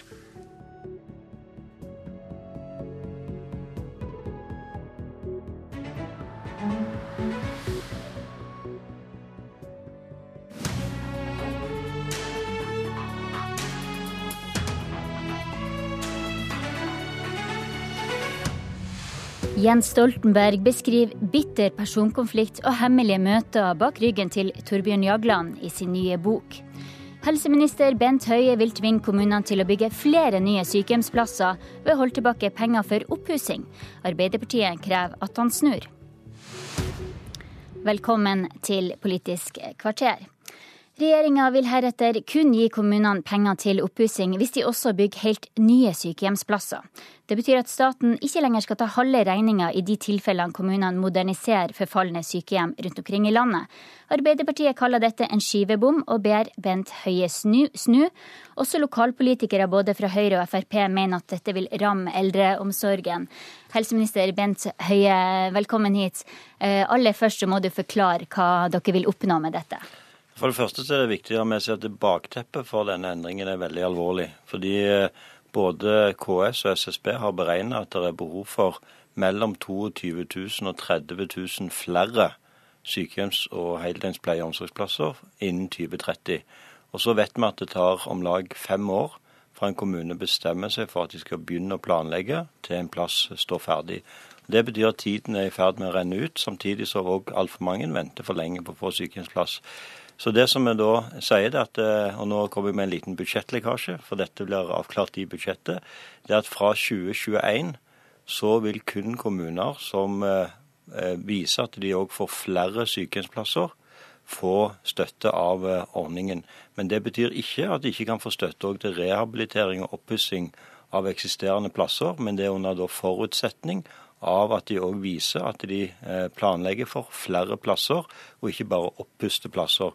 Og Så blir det da en god overgangsperiode fra 2017 til 2021, der vi gradvis prioriterer de kommunene som dokumenterer at de vil bygge ut flere plasser. Fordi hvis ikke vi gjør dette nå, så kommer det komme opp i en situasjon med en dramatisk eh, endring for eh, eldre i Norge, der det vil ta enda lengre tid før en får eh, sykehjemsplass når en har behov for det. Og vi, vi har fått til en, et taktskifte på dette området. Eh, Kommunens aktivitet og planlegging har nært dobla seg i vår regjeringstid. Og med de planene de har nå for utbygging, så ser vi at de årlig fram mot 2019 sannsynligvis vil ha en tredobling òg i, i, økningen i antall plasser hvert, hvert, år. Men dette er ikke tilstrekkelig. Vi er nødt til å få enda høyere eh, aktivitet i kommunen på å bygge ut flere plasser ikke bare pusse opp plasser. Ok, uh, Torgeir Micaelsen, helsepolitisk talsmann i Arbeiderpartiet, velkommen til deg også. Tusen takk. Nå hører vi at det kommer en budsjettlekkasje her også, men uh, uansett så har du kalt uh, dette en skivebom og holdt tilbake penger for oppussing. Mener du fortsatt at det er et arbeidsuhell? Ja, det mener jeg. Og det helseministeren her kaller en budsjettlekkasje, er jo ikke noe annet enn at han skal flytte eh, på den iverksettelsesdatoen med full styrke med to år. Han har foreslått at dette skulle altså innfases fra 2019. Nå blir det 2021. og Grunnen til at vi har reagert på dette, i likhet med en lang rekke svært sentrale eh, lokalpolitikere fra eh, regjeringspartienes egne folk i Bærum, i, ja, i Oslo, mange andre steder i landet, det er jo at vi er enige i at vi trenger flere plasser, men vi trenger også flere moderne plasser. Eh, og vi kan ikke stille oss slik at når vi står overfor en av de største utfordringene Norge skal ha de neste årene, nemlig eldrebølgen, og det er veldig bra, så eh, må vi ha flere moderne plasser og flere nye plasser. Og Det regjeringen langt på vei da foreslår, er at du kun skal på et tidspunkt få støtte til å bygge helt nye plasser, mens kommunene overlates til seg selv til å pusse opp de som eh, ikke er der. Og jeg mener at Her må vi tenke mye bredere, mye nyere. og Derfor har vi i Arbeiderpartiet bl.a. foreslått en skisse til en eldreomsorgsreform. Ja, der vi tenker helt nytt rundt finansiering og organisering. Dette blir flikking fra regjeringens side. Men han sier jo her at uh, eksisterende sykehjem skal få støtte til å pusse opp hvis de også bygger nye plasser, og at de har fått i gang planlegging av mange nye sykehjemsplasser. Hvis det stemmer, så er dette å slå inn fullstendig åpne dører. Alle disse plassene som da Høie da eh, nå skryter av at regjeringen har fått opp uh, takten på, er jo langt på vei planlagt eller igangsatt planlagt under da Stoltenberg II-regjeringen. Uh, jo, nå sitter han og rister på hodet, men det stemmer, det kan man bare gå tilbake og se. For det han og regjeringen skryter av, det er jo at de såkalte tilsagnene om tilskudd, altså det der kommunene planlegger for å bygge ut flere eldreomsorgsplasser, de har økt. Det er bra. Men det betyr ikke at de er bygg, bygget. Det skal nå komme i neste periode.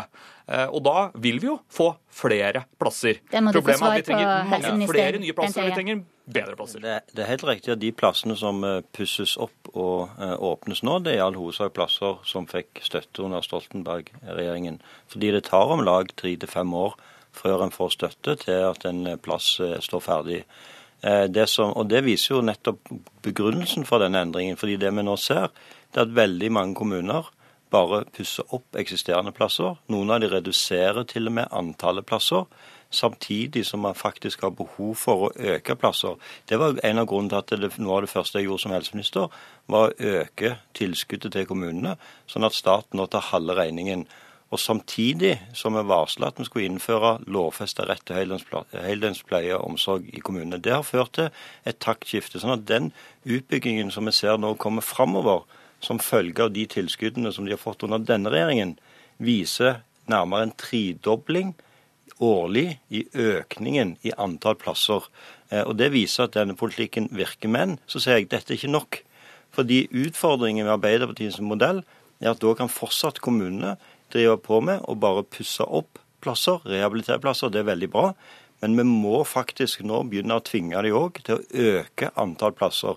Og Derfor sier jeg det er kjempeflott hvis de moderniserer eksisterende plasser. Det skal de få lov til i framtiden òg.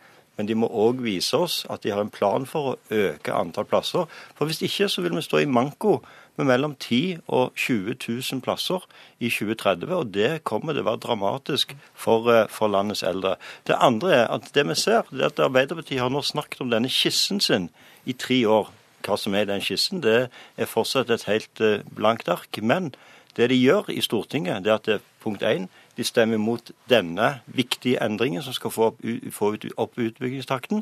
Og de stemte imot at de eldre skulle få styrka rettigheter gjennom lovfesta rett til heldøgns pleie og omsorg. Så i handling så gjør Arbeiderpartiet det samme som de gjorde når de satt i regjering, nemlig lot kommunene styre dette sjøl. Og det vet vi hvordan det har gått. Det fører til manko på plasser, og at det ikke planlegges for framtiden. Torgeir Micaelsen, denne regjeringa har jo faktisk økt støtta som det gir til eh, oppussing av sykehjem. Da, du, da din regjering satt, så var det ca. 35% som kommunene kunne få eh, støtte av eh, fra Husbanken, og nå, er det, nå tar jo staten halve regninga. Ja, og det har vi støttet også i Stortinget. Men eh, all tilbakemelding fra norske kommuner tilsier at det er ikke selve byggekostnaden som er problemet, det er å drifte plassen i etterkant. og Derfor er en romslig kommuneøkonomi f.eks. et viktig stikkord. Eh, Og Når Høie driver historiefortelling her, så er jo punkt én Arbeiderpartiet opptatt av at vi skal gjøre ting på en ordentlig måte, ikke love oss bort slik han gjorde i opposisjon med masse reformer som ikke var gjennomtenkt. Derfor må vi ha tilgang på regjeringskontorene for å kunne gjennomføre en eldrehelsereform slik vi beskriver det. Og denne sykehjemsforskriften hans den var jo en papirtiger som ble, fikk kraftig altså kritikk i høringsrunden. Derfor støttet heller ikke vi den. Poenget er bare vi må gjøre mer, mye mer. Da er tiden for å komme med nye virkemidler, Høie og regjeringen. Ikke å skrote virkemidler vi har behov for også i framtida. Og jeg forstår rett og slett ikke at du nå ikke kan lytte til dine samarbeidspartier i Stortinget, dine egne partifolk i Bærum og opposisjonen samlet sett, som nå sterkt advarer mot forslaget. Du har fortsatt en uke igjen, Høie, på å snu ordentlig, ikke bare sånn snu med et par år, som du foreslår, og legge dette forslaget i skuffen. Bent Høie, la oss gå inn på dette konkrete eksempelet som eh, Aftenposten og Kommunal Rapport eh, og eh, Torgeir Micaelsen her snakker om. Det er da Bærum kommune som hadde planer om å renovere sykehjem for 1,3 milliarder kroner. Halvparten hadde de regna med at de skulle få ifra Husbankens investeringstilskudd. Og nå må de ta hele regninga sjøl. Det kan vel ramme de eldre i den kommunen hvis ikke de får eh, eh, moderne og bedre plasser å være på? Ja, men det er ikke korrekt. Regnestykket er ikke korrekt. fordi Hadde det vært sånn at jeg fra 2017 hadde sagt at eh, vi bare ga tilskudd til nye plasser, så var regnestykket til Bærum riktig. Men Men like fullt så er jo eh, Høyre-ordføreren i kommunen, da, Lisbeth det. Krogh, bekymra. Jeg er klar over det, men eh, hun kommer ikke til å være bekymra når hun leser statsbudsjettet, fordi at det vil gi Bærum kommune og alle andre kommuner tiden fram til 2021 til òg å få tilskudd til oppussing av plasser, uten at de nødvendigvis øker antall plasser. Men fra 2021 så vil det være kun kommuner som òg øker antall plasser, men de vil samtidig få, få tilskudd til å pusse opp plasser, så lenge de kan dokumentere at de òg øker antall plasser. Men eh, så Bærum kommune, hvis de leverer gode prosjekter, har rask og god framdriftsplan, som det virker som de har ut fra sine planer, så bør ikke Bærum kommune være bekymra for at de ikke òg skal få pusse opp plassene sine. Et siste svar fra deg. Jeg kan i hvert fall garantere at i 2021 så kommer det til å være nye plasser som trenger å bli modernisert og pusset opp. Derfor er dette en meningsløst eh, forslag som vi kommer til å gjøre det vi kan for å stoppe i Stortinget sammen med KrF og Venstre. Takk til dere, helseminister Bent Høie og Arbeiderpartiets eh, helsepolitiske talsmann Torgeir Micaelsen.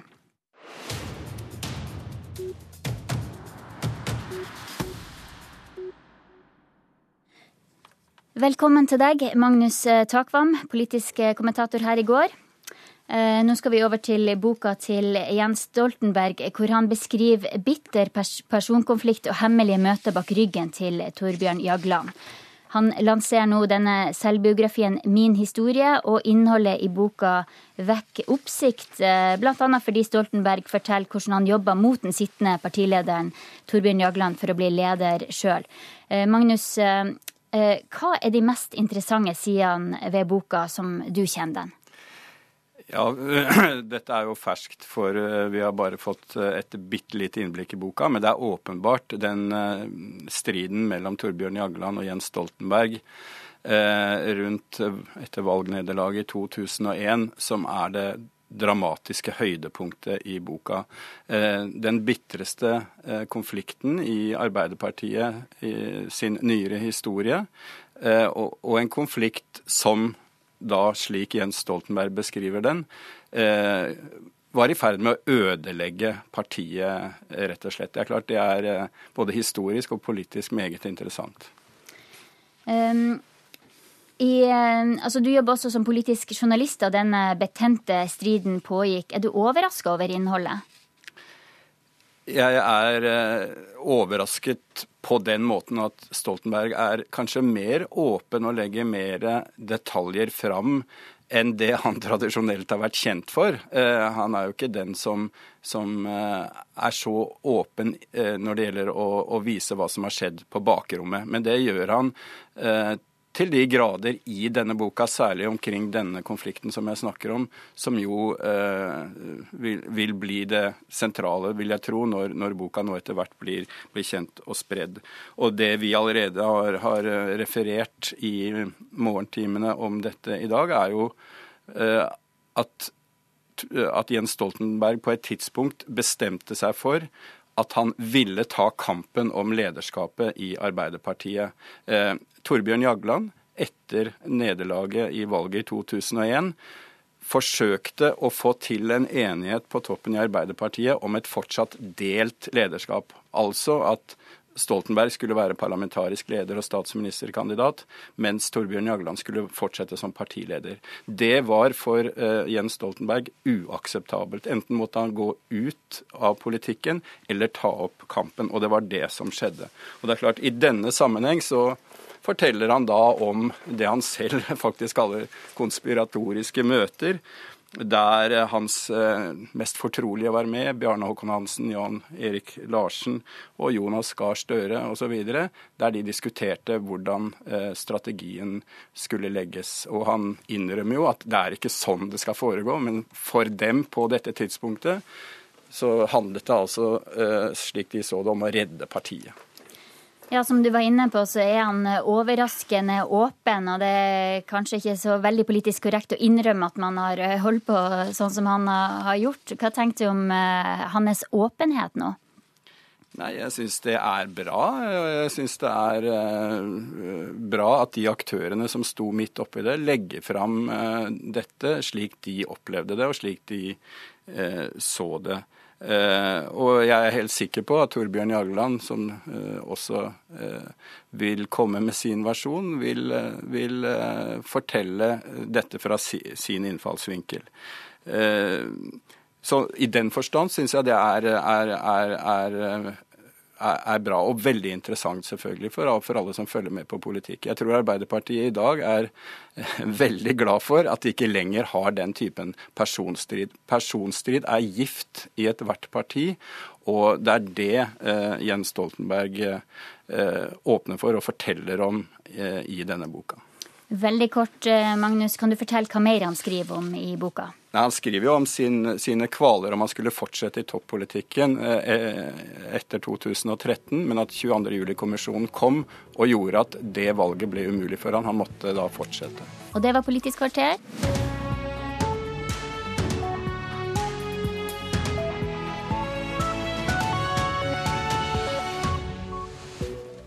Her i Nyhetsmorgens siste halvtime får du høre mer om eh, at eh, tidligere statsminister og Arbeiderpartileder Jens Stoltenberg nå innrømmer at han jobbet i hemmelighet for å felle Torbjørn Jagland. Vi skal høre hva Miljøstiftelsen Zero sier om økningen i drivstoffavgiften. Og eh, forsikringsutbetalinger til privat helsebehandling har gått opp, som vi hørte i Dagsnytt. Vi skal også få mer utfyllende stoff om det. Ja, Jens Stoltenberg eh, jobbet altså i det skjulte for å felle sittende partileder i Arbeiderpartiet, Torbjørn Jagland. Det skriver han i en selvbiografi som kommer ut i dag. Konflikten mellom de eh, tidligere statsministrene begynte allerede i 1992, men toppet seg etter valgnederlaget i 2001. Mye personstrid. Jeg syns det er veldig mye kaos, jeg. Jens Stoltenberg valgt til Arbeiderpartileder. Politiske spørsmål som eh, ja, vi har vært eh, enige om, og kanskje litt uenige om, men sånn er det alltid i en partiledelse. Gnisningene mellom arbeiderklassesønnen Jagland og vestkantgutt og akademiker Stoltenberg begynte allerede i 1992 i Arbeiderpartiet. Men det toppet seg etter valgnatten i 2001. I dag er det første gangen Jens Stoltenberg gir sin versjon av hva som skjedde. Vi hadde vært lojale i ni år. Nå greide vi ikke mer, skriver Stoltenberg i boken. Og da gjorde jeg noe som man egentlig ikke skal gjøre, nemlig å begynne å fraksjonere, som det heter. Altså jobbe mot den sittende lederen. Sier han i kveldens sending av NRK-programmet Skavlan. Stoltenberg forteller hvordan han som statsminister jobbet mot den sittende partilederen Torbjørn Jagland for å bli leder selv. Og Da husker jeg Vi møttes i en leilighet oppe på, ved Bislett. og da husker jeg Vi prøvde å komme på forskjellige tider øh, øh, og litt fra forskjellige retninger. For ellers så kunne det se ut som vi skulle, for vi var jo kjente mennesker alle sammen. Så Hvis noen så at vi kom samme sted, så ville folk tro at vi skulle fraksjonere. Og det var nettopp det vi skulle, så det gjaldt å ikke avsløre det. De var i krise, skriver han i boken. De kunne ikke begge være sjef. Hvis vi skulle vinne igjen, komme tilbake, så måtte, altså måtte en av oss være sjefen. Vi kunne ikke dele på å være sjef. Uh, og da valgte jeg istedenfor å trekke meg ut, å gå for å ta helt over. Og utfordre. Ja. Torbjørn Agland vil ikke kommentere boka. Reporter var Sunniva Skjeggestad. Politisk kommentator i NRK, Magnus Takvam, du har lest boka. Si litt mer om eh, forspillet for at eh, dette kunne skje. Ja, jeg har ikke lest boka, bare for å si det, men jeg har kikket i boka. Ok, Men, men du, kjenner, du, kjenner, forspillet? ja, altså det, det, som beskrives i boka når det gjelder forholdet mellom Stoltenberg og Jagland, eh, eh, topper seg jo i denne krisen som har vært omtalt, og som det blir mest eh, oppmerksomhet rundt. Selvfølgelig. Det er den dramatiske nerven i boka. Men eh, i, forkant av det så skriver også Stoltenberg at forholdet mellom de to i ti års tid var et nært samarbeid som gikk eh, helt greit. Så er det klart at etter eh, den famøse 36,9-historikken eh, i 1997, som også Stoltenberg beskriver eh, nøye og gir nye opplysninger om, så, så begynte det å bli mer problematisk. Og han forteller, og for interesserte så er det interessant å lese hvordan, hvordan dette 36,9 til slutt ble et faktum. Eh, alle har jo eh, fått med seg at dette var noe man ja, nærmest viklet seg inn i med uttalelser. Så det er også en interessant del av boka. Men som sagt så toppet det seg når det gjaldt konflikten mellom de to, til den bitreste striden i Arbeiderpartiets nyere historie etter det dramatiske valgnederlaget i 2001, da Arbeiderpartiet lå med brukket rygg, hadde 24% oppslutning, og Torbjørn Jagland insisterte på å fortsette som partileder og ha et delt lederskap med Stoltenberg, som da Stoltenberg bestemte seg for ikke å akseptere og ta kampen opp. Men det man kan lure på, er om dette er um, snakk om personlige motsetninger? Eller om det også lå politikk i dette? Så Det er jo eh, en blanding, hvis man skal gå inn i det. Det er klart at hovedretningen for disse to politikerne var innenfor den, den brede sosialdemokratiske tradisjonen. Men det er klart at i den striden som oppsto, så ble Jagland oppfattet som fagbevegelsen og venstresidens eh, arm inn i partiledelsen. Eh, sånn at på den måten eh, var det også en klar politisk dimensjon ved det hele. Det var jo på dette tidspunktet spørsmålene om sykehusreform, eh, delprivatisering av Statoil osv. som skapte konflikt mellom venstresiden og høyresiden eh, i Arbeiderpartiet. Og Jagland argumenterte på en måte slik at for å hindre høyresiden i å skal vi si, ta over for mye av politikken, så var det nødvendig at han fortsatte som leder. Sånn at det var en del av hans eh, skal vi si, inngang til det hele. Er det andre opplysninger i denne boka som eh, kan være interessante, og som eh, var nye for deg? Ja, altså, eh, Regjeringsprosjektet Stoltenberg 1 har jo blitt sett på som eh, ja, om ikke mislykket, så beheftet med store svakheter, som jo førte til dette nederlagsvalget i 2001. Så det er interessant om Stoltenberg tar selvkritikk eller ikke om den perioden. Og det han gjør, er vel eh, å si at han var stolt av mange av de prosjektene han gjennomførte uh, i denne perioden, men at han gikk for fort fram. Det var ikke modent nok på det, det tidspunktet til å gå så fort fram som han gjorde. Eh, senere så tar han også selvkritikk på f.eks. det famøse begrepet månelanding om eh, lagring av, eh, av CO, fangst og lagring av CO2, Mongstad-saken osv. Det, det begrepet som ble brukt i nyttårstalen, var, som alle etterpå har sett, ikke særlig smart. Så det tar han selvkritikk på. Eh, han beskriver også fra den rød-grønne eh, regjeringsperioden at det vinteren 2013, da var det den mest konfliktfylte perioden i denne regjeringens historie, og på nippet til å bli regjeringskrise. Om, og bakteppet for det var eh, Senterpartiet og SVs markering av EØS-motstand. Slik at han gir da også fortellinger, så å si helt opp til til, eh, til det tidspunktet som er politisk interessante. Mange takk skal du ha, Magnus Takvam. Og eh, intervjuet med Stoltenberg kommer jo altså i Skavlan på NRK TV i kveld. I Israel er begravelsen til den tidligere president Shimon Peres i gang. Både kongelige, presidenter og statsminister fra hele verden er kommet dit.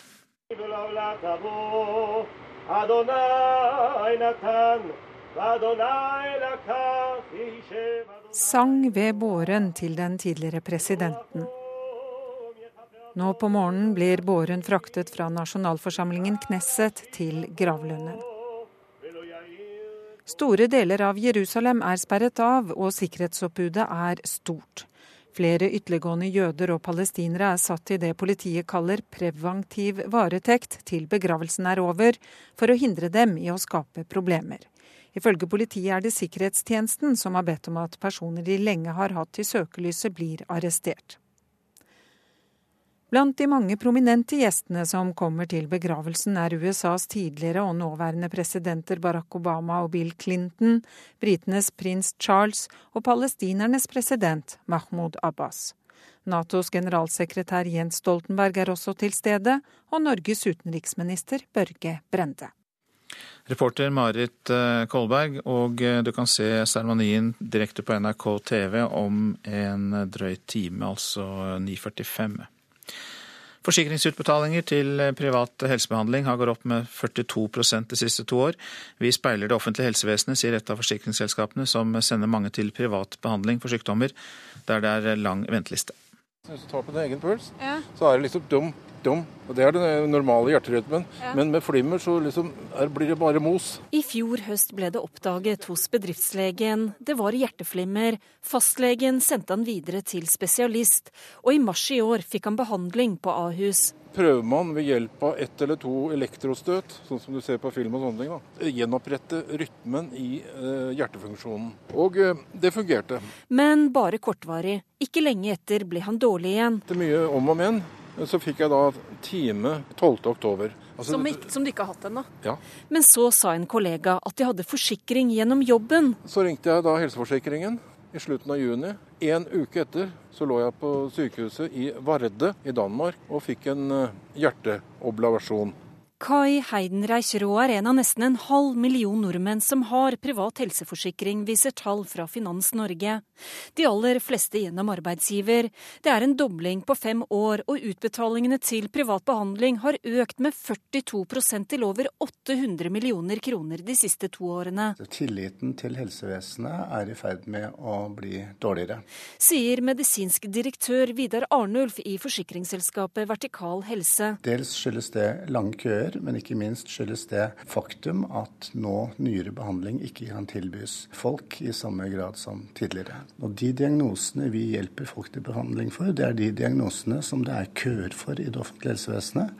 Så litt populært sagt så kan vi si at vi ser speilbildet av de offentlige køene. Helseminister Bent Høie er uenig i at tilliten til helsevesenet er i ferd med å bli dårligere. Ja, det stemmer ikke. Eh, de eh, store befolkningsundersøkelsene som vi har på det spørsmålet, viser det motsatte. Og så har forsikringsbransjen en egen interesse i å skape et inntrykk av det motsatte, for det er det som gjør at de får solgt forsikring. Ja, Mener du at de ikke forteller sannheten? De forteller ikke hele sannheten, for sannheten er at eh, pasientene nå opplever kortere ventetider. Helseminister Bent Høie til reporter Ellen Omland. Klokka passerte nettopp 8.44. Dette er hovedsaker. Regjeringen foreslår å øke dieselavgiften med 35 øre og bensinavgiften med 15 øre. Mer om det raskt. Tidligere statsminister og Arbeiderpartileder Jens Stoltenberg innrømmer at han eh, jobbet i hemmelighet med å felle Torbjørn Jagland som partileder. Regjeringen vil eh, kun gi penger til oppussing av sykehjem hvis det også bygges ut flere sykehjemsplasser.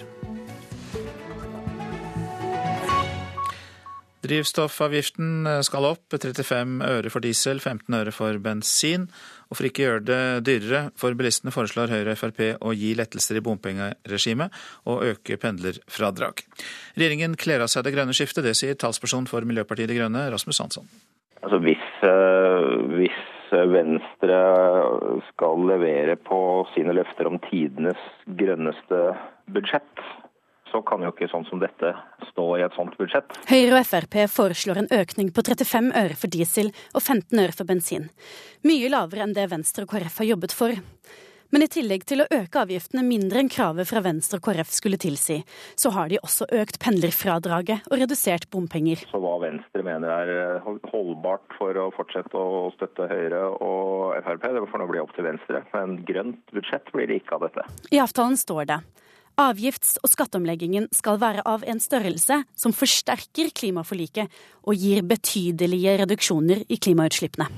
Det står også at Stortinget ber regjeringen i statsbudsjettet for 2017 fremme forslag om et grønt skatteskifte som en del av oppfølgingen av innstillingen fra Grønn skattekommisjon. Her kler regjeringen av seg det grønne skiftet i full offentlighet.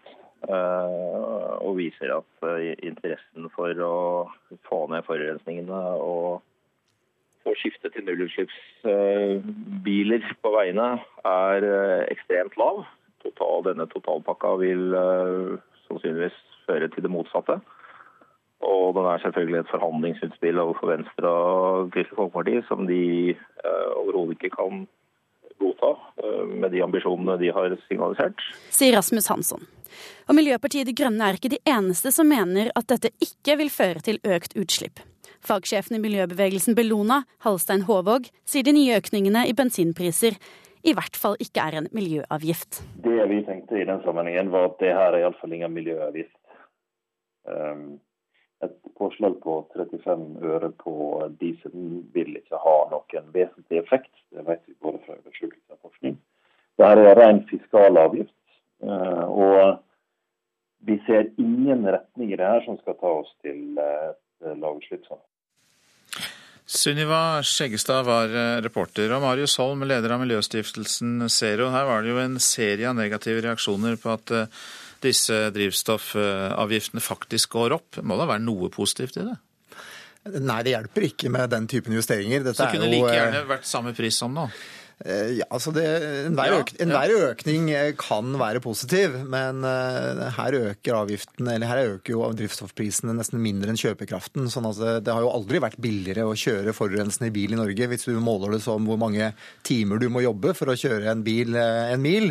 Så, så dette gir ikke utslippskutt. Dette vil gi sannsynligvis, i hvert fall hvis norsk økonomi fortsetter å vokse, så vil dette her gi utslippsøkninger. Så vi trenger vesentlig kraftigere lut for å få, få til det vi ønsker.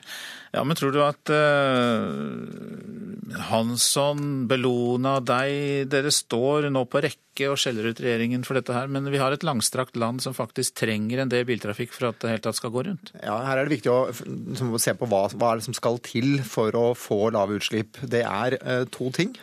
Eh, I tungtransport så må vi få inn fornybar diesel fra, som er lagd av skog og avfall og slikt. Og det koster litt mer enn fossildiesel. Eh, I dag er det eh, en avgiftsforskjell på det som gjør at, vi, at det nesten kan konkurrere.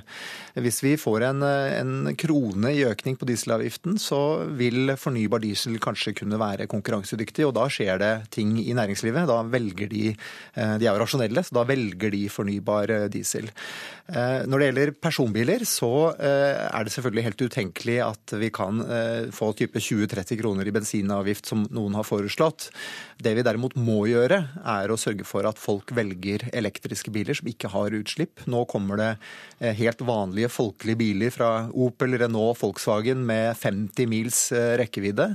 Det betyr at eh, folk flest i dette langstrakte landet kan gå over til elektrisk bil. Der er vi den, fremst i verden nesten, så ja, det, da går det jo riktig vei, da. Ja, men det går ikke riktig vei eh, fort nok. fordi det er sånn at selv om elbilandelen er høy i Norge, så øker fortsatt salget av fossile biler. Og hvis vi skal snu den eh, utviklingen, så må vi øke avgiften på de forurensende bilene. Altså, De bilene som ikke forurenser, skal forbli avgiftsfrie, mens de som forurenser, de må få en betydelig avgiftsøkning. Så Det vi må få til, er altså en, en ganske nøktern økning av drivstoffavgiftene. Eh, 35 øre er ikke engang nøkternt, det er eh, knapt, det er bare så vidt en inflasjonsjustering. Men, men eh, vi må få en nøktern økning som gjør fornybar diesel konkurransedyktig i lastebilene. Og så må vi få en økning av eh, de avgiftene på de forurensende bilene, sånn at ingen lenger velger de. For det er jo sånn Når du står og kjøper en bil, så tar du egentlig en beslutning om hvor mye du skal forurense de neste 10-15 årene. Eh, og det er der beslutningen tas. Ja, men Tenk på et tall da, så har vi noe å tygge på fram til disse forhandlingene begynner i Stortinget. Nå har regjeringen sagt pluss 35 øre for diesel, pluss 15 øre for bensin. Hva er ditt tall? Ja, vi, har, vi, har, sagt at vi bør få minst en krone i økning i avgiftene på drivstoff. Da eh, kan vi se om fornybar diesel klarer å, å ta store markedsandeler. Eh, det kan være at det er nok, og hvis ikke det er nok, så må vi øke mer neste år. Og så må vi øke avgiften på alle de forurensende bilene med i hvert fall 15 000 kroner i år, og kanskje 15 000 kroner til neste år. Men forbruker vil jo tjene på den omleggingen, fordi forbruker vil bli ledet over til elbiler som er mye billigere å bruke. Nå snakker vi om elbiler med lang rekkevidde som koster det samme som en helt vanlig bensinbil, men eh, de er også mye, mye billigere å bruke. Mange takk skal du ha, Marius Holm, leder av miljøstiftelsen Zero. Regjeringen vil heretter kun gi kommunene penger til oppussing hvis de også bygger flere helt nye sykehjemsplasser. Det betyr at staten ikke lenger skal ta halve regningen i de tilfeller kommunene moderniserer disse sykehjemmene. Og Arbeiderpartiets helsepolitiske talsmann Torgeir Micaelsen kaller det en skivebom, og ber helseminister Bent eh, Høie snu. Grunnen til at vi har reagert på dette, i likhet med en lang rekke svært sentrale eh, lokalpolitikere fra regjeringspartienes eh, egne folk i Bærum, i, ja, i Oslo, eh, mange andre steder i landet, det er jo at vi er enige at vi trenger flere plasser, men vi trenger også flere moderne plasser. Og Det regjeringen langt på vei da foreslår, er at du kun skal på et tidspunkt få støtte til å bygge helt nye plasser, mens kommunene overlates til seg selv Eh, til å pusse opp de som eh, ikke er det. Arbeiderpartiet med helsepolitisk talsmann Torgeir Micaelsen kommer til å stemme mot det når Bent Høie vil tvinge kommunene til å bygge flere nye sykehjemsplasser ved å holde tilbake penger for oppussing. Hvis ikke vi gjør dette nå, så kommer det komme opp i en situasjon med en dramatisk eh, endring for eldre i Norge, der det vil ta enda lengre tid før en får sykehjemsplass når en har behov for det. Fra 2021 så vil kun kommuner som eh, eh, viser at de òg får flere sykehjemsplasser, få støtte av eh, ordningen. Men det betyr ikke at de ikke kan få støtte til rehabilitering og oppussing av eksisterende plasser, men det er under forutsetning av at de òg viser at de planlegger for flere plasser, og ikke bare oppuste plasser. Her må vi tenke mye bredere, mye nyere. Og Derfor har vi i Arbeiderpartiet bl.a. foreslått en skisse til en eldreomsorgsreform, ja, der vi tenker helt nytt rundt finansiering og organisering. Dette blir flikking fra regjeringens side. Men han sier jo her at uh, eksisterende sykehjem skal få støtte til å pusse opp hvis de også bygger nye plasser, og at de har fått i gang planlegging av mange nye sykehjemsplasser. Hvis det stemmer, så er dette å slå inn fullstendig åpne dører. Alle disse plassene som da Høie da eh, nå skryter av at regjeringen har fått opp uh, takten på, er jo langt på vei planlagt eller igangsatt planlagt under da Stoltenberg II-regjeringen. Jo, nå sitter han og rister på hodet, men det stemmer. Det Kan man bare gå tilbake og se. Utfordringen med Arbeiderpartiets modell er at da kan fortsatt kommunene driver på med, å bare pusse opp plasser, rehabilitere plasser. Det er veldig bra. Men vi må faktisk nå begynne å tvinge de òg til å øke antall plasser. Og Derfor sier jeg det er kjempeflott hvis de moderniserer eksisterende plasser. Det skal de få lov til i framtiden òg. Men de må òg vise oss at de har en plan for å øke antall plasser. For hvis ikke så vil vi stå i manko med mellom 10 og 20 000 plasser i 2030. Og det kommer til å være dramatisk for, eh, for, landets eldre. Det andre er at det vi ser, det er at Arbeiderpartiet har nå snakket om denne skissen sin i tre år. Hva som er i den skissen, det er fortsatt et helt eh, blankt ark. Og Torgeir Micaelsen, eh, det var ikke han vi hørte sist der, men han, det var Bent Høie. De møttes til debatt i Politisk kvarter, og der var Linda Reinholdsen programleder. Mannskapet på redningsskøyta Eger de måtte i går kveld hoppe i havet etter at båten ble truffet av en brottsjø. Det var dramatisk. Båten gikk rundt to ganger. Og reporter Lars Gunnar Eide, du er på lista. Eh, hva skjedde der? Ja, det som da skjedde i går, det var redningsaksjon. Redningsskøyta Eger ut. Den mannen ble eh, henta opp og sendt til sykehus. Eh, det som da skjedde senere, var at en båtsjø tok eh, som gikk rundt to ganger. Mannskapet da havna litt rundt i båten og valgte å forlate båten. Jeg står med Ægir-båten her nå. Den ligger i fjæresteinene og slår. De har fått litt skader på skrog. Masta er borte, og vi kan se også at det ellers henger skal vi si, litt rundt båten. Vi har med Jarl eh, Pedersen. Han er til daglig skipper på eh, redningsskøyta Ægir. Han var ikke med i går. Han har stått her i dag morges og natt og holdt vakt. og hvor værhardt eh, er det her oppe når vi tenker de måtte forlate skipet, båten? Nei, Det er jo, det er jo Lista det er jo et av de mest værharde plassene vi står og ser utover nå, så står jo vinden og skyr rett inn på, på, på åpne hav her. Så det er veldig værhardt plass. Mm. Hvor dramatisk har det vært når de har valgt å forlate båten? Hvor, hvor mye vind var det i går og bølger? Nei, det var vel oppe i storm uten at eh, det var, det var storm til tider. Og det er klart det har vært dramatisk når de har valgt å, å, å forlate båten. Det har vært veldig dramatisk. Det er, siste, det er siste mulighet. Jeg har eh, 10 000 oppdrag, er 20 år gammel, ligger her i fjæresteinen. Når du reflekterer over dine kolleger, eh, hva tenker du? Nei, jeg får nesten klump i halsen. Jeg er bare, jeg er bare glad for at de, eh, at de gikk opp med deg. Det, det, er en båt som ligger her. Det det er mange båter. Jeg er bare glad for at de gikk opp med deg. De skadene vi kan se på Eger, vi vet jo ikke hvordan det har vært innvendig, men eh, båten er jo eh, sånn sett heil. Den har fått skader på skrog. Vinduene er hele. Og etter det Redningsselskapet sjøl opplyste, så var det en brotcher som kom inn fra sida, og så slo, båten så den gikk rundt altså da to ganger og mannskapene ble plukket opp av eh, redningshelikopter. Jeg sto faktisk her i sjøen i går kveld og så utover sjøen. Jeg kunne bare se lysene fra helikopteret der det sto stille, og var sannsynligvis stadig plukket opp mannskapene som lå i overlevingsdrakt i uh, båten. Hva som skjer videre med Ægir i dag? Eh, det skjer trolig, trolig, ikke noe nå. Det blåser kuling her ute. Det er for hardt vær ennå til å kunne gjøre noe sånn som det ser ut så langt. Takk skal du ha, Lars Gunnar Eie, på en litt eh, rufsete linje, naturlig nok, eh, fra lista. Og statsministerlag eh, Kristen Gislefoss, velkommen hit. Det kan være ganske værhardt der ute? Ja, det er jo en veldig værutsatt kyststrekning på spesielle vindretninger, så det er ikke uvanlig med storm og ganske høy bølge. Og i tillegg så har det ofte strømsjø i tillegg. Til de vanlige vindbølgene. Så det kan bli ganske heftig i dette området. Det er kraftig når de, når det da slår båten rundt to ganger? Ja, spesielt når du får de her brottsjøene som er veldig uberegnelige. Hadde de sett han kom, så kunne de kanskje ha lagt seg i en posisjon som hadde forhindra det. Ja. Vi har eh, ikke mer tid igjen enn det vi trenger til å fortelle om mye vind og regn over store deler av landet. Nei, vi skal ta det raskt og greit. Begynne på Spitsbergen. Her er nordøstlig vind. Stiv kuling, sterk kuling utsatt sted i vest og i nord. Og så snø det i nord, og så regn det i sør. Og omkring Longyearbyen så blir det helt sludd. Så til Nord-Norge. Kuling enkelte steder, særlig på kysten av Øst-Finnmark og på kysten av Nordland. For litt forskjellig retning sørøst lengst i, i øst, ellers nordvest. Og det er regnbyger eller regn av og til. Altså regn av og til i Finnmark, og så er det bygevær stort sett. Og så til vi Sør-Norge helt ned til Lindesnes. Og her er det òg regnbyger med vind fra en vest-sørvestlig retning, opp i stiv kuling enkelte steder. Minker litt utover dagen, og bygene fortsetter over en 1000 meter, så kommer nedbøren i hvit form. Men kommer vi til det østavfjelske og de østlige fjellområdene i Sør-Norge, så er det lange perioder med noe sol. Man kan gå noen spredte byger lengst nord på Østlandet og lengst vest på Sørlandet og i de østlige fjellområdene. Mange takk skal du ha i denne omgang, Kristen Gislefoss.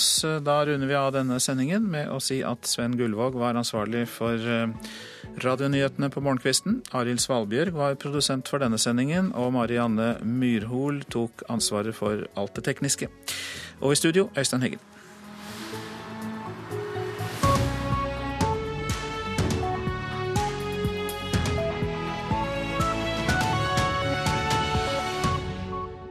Hør flere podkaster på nrk.no podkast.